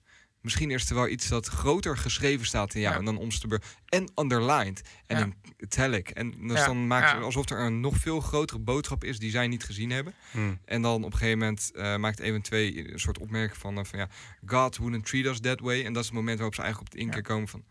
Wacht eens even, dat is precies wat wij ook met mensen doen. Dat we dat Ja. heel- we Ja, laten ze hun heel erg in de waan dat er Ja. en dan zie je, of dan, dan krijg je ook door dat zij zoiets hebben. Ja, dit, misschien is inderdaad een grote boodschap. Misschien zijn wij niet de eindgoden en zit daar nog wel Ja. de, de, de God of God boven, zeg maar, die nog een groter plan heeft. En is dit niet, Nou ja, is dit een grote test om te kijken of wij eh, ja, vervallen in een soort predeterminism? ik weet niet of ik je goed begrijp, Sander. Maar ik weet niet of er een meta-god wordt bedoeld. Maar eerder, want God zelf, die eh, ja, je kan beargumenteren. Het is ook eigenlijk in het christendom en in de Bijbel. God is ook de maker van Satan. Dat was ook eerst een archangel, de, Ja, de, de, angel de lightbringer. En God heeft alles gemaakt. En God wordt wel in het hele boek buiten beschouwing gehouden. Het dichtste dat je bij God zelf komt is Metatron. Die eigenlijk ook gewoon een onderengel is. Gabriel wordt genoemd. Ja. Heeft ook een hele, hele kleine rol. En, in de serie eh, en- komt hij wel veel prominenter naar voren. ja, dat had ik gelezen inderdaad. Maar in het boek niet echt. Nee. Maar God zelf komt niet aan het woord in het Nee, hele boek. En dat, en dat is, en Dat is, ja, en dat is eigenlijk wel eh Aziraphale en eh, eh, Crowley's punt. Van, eh, snap je eigenlijk wel wat God nou bedoelt? Wordt niet zowel de hemel als de hel eh, bespeeld door... Nou, niet zozeer bespeeld, maar is het één grote test ook? En ehm, ja, ik, ik weet niet of je dan nu op dat hele filosofische punt komt van het hele boek. Nou, daar ben ik wel Ehm, benieuwd naar. Nou ja, Ja, want ehm, vaag. predeterminism. Nou ja, eh, kijk, wat sowieso. eh, komt Kun misschien jij- op persoonlijk David, niveau. Kun je, de- kun je de- kort samenvatten De, wat, de wat duivel jij komt denkt op een gegeven moment nog Voor- even. Volgens mij even er voordat we, twee in. Ja. De duivel komt op een gegeven moment zullen we ook dit even een klein beetje Nou, gestructureerd nee. doen? Nee, al- nou, verschijnt ja, ook de, de, hij wordt de adversary genoemd, maar die komt ook. Ja. Ja, en dan ook stopt even het Nee, maar ik begreep dat stuk even niet. Dus ik wil Ja, even oké. weten... Zij, zij hebben dat filosofisch gesprek. Ja. Eh, De Four Horsemen, die, of in ieder geval de drie, worden ontboden. Ja. En de dood Bij zegt- Metatron en Belzebub die gaan terug naar hun plekje. Omdat Maar ze, dan ontstaat, eh, dan eh, verschijnt de duivel en besluiten Crowley en eh Aziraphale om hem te gaan bevechten. Want dan pakt Aziraphale nog zijn zwaard. En dan stopt het verhaal in één keer. Nou, het, Wat gebeurt daar? blijkbaar is Adam de antichrist zo krachtig dat hij met een snap van zijn vingers zelfs de duivel kan tegenhouden. En het is dan ineens zondag. En Ja. ik heb zelfs het idee dat eh, Adam eh, een, een soort mini-reset heeft uitgevoerd. Dat heel veel mensen Ja, ja, de geheugen van gewist worden. Ja, van dat dat er allerlei echt, ja. rampen Ja, ja, zijn ja, gebeurd. ja. De, de boekenwinkel van Aziraphale wordt gerestored. Adam wist niet precies welke boeken er in die boekenwinkel lagen. Dus er liggen opeens allemaal kinderboeken en eh conspiracyboeken. eh, Dat is toch super grappig. Ja, dat ja. verwijst dan weer naar zijn, ja. eh, ja, ja, maar, belevingswereld. maar daar komt wel een soort van wijsheid van. Adam nog eens bovenop. Van dat hij ook zijn powers wel gebruikt om de apocalyps nog dubbel te resetten. Los van, die, van het filosofisch gesprek. En dat, nu kan wel op een punt waarvan ik denk van... ik weet niet zo goed hoe ik het boek moet interpreteren. Hoe, wat Terry en Neil proberen te zeggen met het boek. Want zij, zijn, zij hebben zeker een kritische noot eh, over religie. En vooral over, dat, over die dualistische notie van goed tegen kwaad. Nou ja, wat, wat, hoe ik het zie, zitten er twee, twee dingetjes in. En dat is eh, een vrije wil versus predeterminism. Dus Ja, er, ja. er zit ook een aantal keer in van dat, eh, hoe heet die, t- de- Newt tegen eh, Aan het thema? aan het thema zegt van joh, pak gewoon een kaartje. Maakt niet uit wat je pakt. Want Ja. het is toch al van tevoren bedacht welke je gaat Ja, pakken. Ja, dat, soort, ja. dat zit er dus in. Ja. En er zit heel erg de nurture versus nature discussie in. Van joh, word Ja. jij slecht omdat je slecht bent? Is een engel slecht of goed omdat hij goed is? Of eh, doet ook eh, opvoeding daar iets mee. Dus dat zijn volgens mij de twee Ja. grootste thema's die door heel het boek verweven zitten. Ja, ja. ja ik, ik Wat weet... jij, ja. Ja, ik denk dat dat het wel, eh, dat, dat is wel een beetje de lijn die, de, die ik ook wel herken. Maar daarom probeer ik ook een beetje, want ik heb dus dat einde dus niet in detail eigenlijk, ben eigenlijk gestopt op het moment dat eh Newt wakker wordt en dat hij eh, de telefoon opneemt dat iemand hem iets probeert te verkopen. Ja. Ehm, en dat hij, er is een heel verhaal over koffie. Of dat hij koffie gaat zetten en, eh, en dat soort zaken. Dus ik, ik, dat einde is voor mij niet helemaal duidelijk. Wat ik wel Ja, heb gelezen uit dat soort zaken is vooral dat. Eh, eh, hè, dus je kunt wel proberen te beïnvloeden. of de vraag is, ben je goed of ben je slecht omwille van de, de, het milieu waar je in... of zit dat al in je? Of is het milieu om je heen hetgene wat het bepaalt? Ja.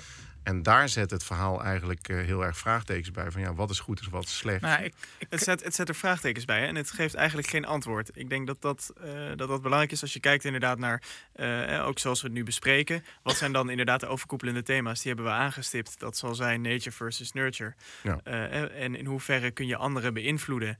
In hoeverre eh, hebben we vrije keuzes? En in hoeverre volgen we eigenlijk een lot? Eh, en is, zijn dingen eh, voorbestemd? Ehm, maar het zijn bijna open vragen die ze neergooien. En eh, ik heb niet het idee dat er daadwerkelijk antwoord op gegeven. Ja, ik heb misschien hier een quote die eh, misschien die je eh, daarin kan interpreteren. Dat is wanneer Adam ook weer met Beelzebub en de Metatron aan het praten is. Waarin hij zegt... I don't see what's so terrific about creating people as people and then getting upset because they act like people, said Adam severely. Anyway, if you stop telling people it's all sorted out after they're dead, they might try sorting it all out while they're alive. If I was in charge, I'd try making people live a lot longer, like old Methuselah. It'd be a lot more interesting, and they might start thinking about the sort of things they're doing to all the environment and ecology, because they'll they'll still be around in a hundred years' time. Maar is dat ook niet een hele duidelijke referentie naar eh, hoe christenen eigenlijk ook wel kijken? Hè? Als je, Ze leven eigenlijk voor het hiernamaals. ja, en niet voor christenen het- leven ervoor Ja, het, het, Het is niet een hele het, maatschappij kritische nood. het is Ja. hier eh, gelukkig, maar vooral in het hiernamaals Ja. gelukkig te zijn. En mijn hele leven staat alleen maar in het Ja. teken Ja. om in het hiernamaals gelukkig te zijn. Ja. En Nee, dat, dus het is- dat vond ik wel het heel is sterk. zeker een- een- Bijbels. een, maatschap, Zeker. een maatschappij kritische nood. En ik denk ook wel een Ja. kritische nood richting de religie. Ehm, maar als je kijkt naar de overkoepelende thema's die we net aanstipten. Eh, dat zijn vragen die worden opgeworpen. En dat Ja. heeft raakvlakken met religie en raakvlakken met eh, eh, andere levensopvattingen. Je zou misschien ook kunnen zeggen dat ze in dit boek The Problem of Evil proberen aan te kaarten. in een heel letterlijk verhaal. En de problem, problem of Evil, heel kort gezegd, is een filosofisch vraagstuk van als God almachtig en alwetend is. Dat is een soort paradox, want als hij eh, nee, almachtig en eh algoed is. Ja. En dat is een paradox, omdat als hij almachtig is, dan kan hij alle problemen in de wereld stoppen. Maar dat doet hij klaarblijkelijk niet. Dus dan kan hij niet al goed zijn. Maar als hij al goed is, Is slecht dan ook goed? eh, dan, maar hij stopt de problemen niet, dan is hij niet almachtig. Dus waar komt de evil in de wereld dan vandaan? Ja. Als God almachtig en al goed Ja, ja, is. waarom grijpt hij Ja. niet in? Precies, Nee, ja, dat, precies. dat klopt. Ja. Sander, hoe is het voor jou? Ehm, ja, ik vind het wel een, een, een wat lastige vraag. Voor mij was vooral de boodschap. eh, ik vind het leuk om na te denken over, eh, over predeterminisme. En ik wil daar gewoon niet in geloven. En oprecht, als het wel zou bestaan, zou ik het Hmm. niet willen weten. Hm. En dat bevestigt dit boek ook wel voor me. Ehm, en goed versus slecht. eh, ja, maar dat is eigenlijk een heel, heel globale boodschap. Maar dat er in iedereen goed en slecht zit. En dat je zelf door middel van keuzes bepaalt wie je bent. En, ja, misschien zou je ook kunnen zeggen dat goed en slecht als extreme niet überhaupt bestaan. een soort paradox is. Ja, ja. Want als je dat zo zou definiëren, dan krijg je hele vage karikatures eigenlijk. Waar dan Terry en Neil heel goed over kunnen schrijven. Omdat, je, omdat het eigenlijk heel belachelijk is. Dat je een extreem goed standpunt hebt en een extreem slecht standpunt hebt. En als Die- iemand, die- ja. Omdat het bepaald is, dan op een gegeven moment oorlog met elkaar moeten gaan voeren. Want dat is zo. Dat, dat proberen ze eigenlijk, die notie proberen ze eigenlijk een beetje belachelijk te maken, denk ik. En het parad- paradoxale daarvan te laten zien, zeg maar. Ja, dat denk ik ook. Daar, daar sluit ik mij aan. Ik denk dat het dus een heel leuk boek is om te lezen eh, als je van Britse comedy houdt. Hè, gewoon, je kan het dus ook als een leuk eh, eh, vakantieboek lezen. Je hoeft er niet heel diep over na te denken. Maar ik denk dat als je s'avonds in bed ligt en je denkt nog eens terug aan wat je gelezen hebt, dat je Ja. toch meer eruit kan halen dan dat je zou denken. Ehm, ik ben wel benieuwd of Ruurt hem uit gaat lezen. Ik ben nog niet helemaal overtuigd. Oké, nou ja, dat, dat kan. En ik denk ook dat je nooit helemaal kan overtuigen. Want als het niet je boek is, is het niet je boek. En wat misschien dat- helpt, Ruurt, als je hem uitleest. Moet jij zeggen.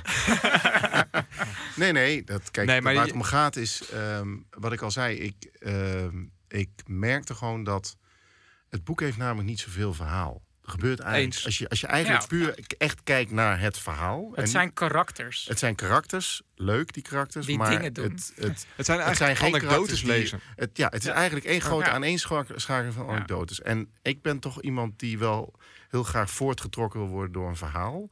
eh, door verhoudingen ten opzichte van elkaar. En omdat het dus meer als soort van karikaturen. Het zijn, ik, het, het zijn geen personages die mij raken.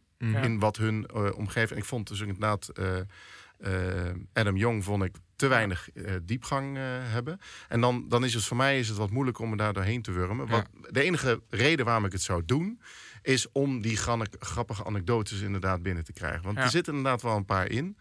Ehm, ik weet het nog niet. Ik, ik denk wel dat het misschien op een of andere manier... Ik ben ook een beetje een completionist. dat ik het niet kan laten om er dan Maar- toch nog even Ja. doorheen Ah, je, te je kan hem luisteren. niet in je Goodreads afvinken als gelezen dan, hè? Nee. Dat is wel, Nee, dan blijft hij dan altijd op Ja. je reading list ja, staan. Van dus- ik ben op 80 procent. Ja, Ik lees hem nooit uit. Het, het, Nou, het in eh, ieder wrijf geval- het er maar in. eh. Er is overigens nog misschien wel leuk om even te eh, vermelden. En ik denk dat Maarten hem dan eh, wil gaan afronden. Er zou nog een sequel komen. Oh ja. Eh 668, The Neighbor of the Neighbor of the Beast. Zou het hebben the neighbor of the neighbor of the beast. The na- nee, The Neighbor of the Beast. Dus in plaats van jammer, 666, Ja. 666 the, the Number of the Beast, Ja. zou het zijn zijn 668, The Neighbor of the Beast. Ja, ik dacht dus 667 en dan 668. Oh, dat dus the neighbor of ah, the neighbor of the beast. gekund, Maar goed. Eh, maar dat is uiteindelijk nooit van de grond gekomen. Dat Neil Gaiman die is verhuisd naar Amerika. Oh ja. En, eh, Oh, ik dacht hij ging zeggen, de neighbor of the beast is verhuisd. nee, wat Wordt niet meer op zou 668. kunnen, ja. Ehm, dus dat is nog wel misschien wel, wel goed om te vertellen. En ja, of ik hem ooit nog ga lezen, ja, dat zullen jullie in de volgende Ja. boekenkast Spannend. terug kunnen lezen. We Dus gaan het luister. horen. Het is in ieder Totaal boek- int- oninteressante cliffhanger die ik Ja. hier neerleg. Maar ik leg hem toch maar even neer. Ja, inderdaad. Ja, het is in ieder geval een boek ehm, wat in ieder geval voldoende stof geeft voor eh, ja, een ruime anderhalf uur eh, eh, podcast. Ik ga hem zeker uitlezen. Ehm, ja, iets meer toewijding, Ruud. Zoals het. Ehm, nee, maar ik heb in ieder geval genoten om eh, hier met jullie eh, eh, ja, een ruime anderhalf uur over te praten. En ik hoop dat je als luisteraar ook genoten hebt eh, om er naar te luisteren. En dat kun je laten weten door in iTunes bijvoorbeeld een reactie achter te laten en even ons te beoordelen. Eh, of vertel andere mensen over deze podcast, Ehm, want dan gaan er meer mensen luisteren. Wow. Nice. Ik dacht te beginnen een, een Ik dacht- outro jingle of zo. Dat is Sorry, Ruurt die... Nou, ontzettend bedankt voor het luisteren en tot de volgende boekenkast. doei!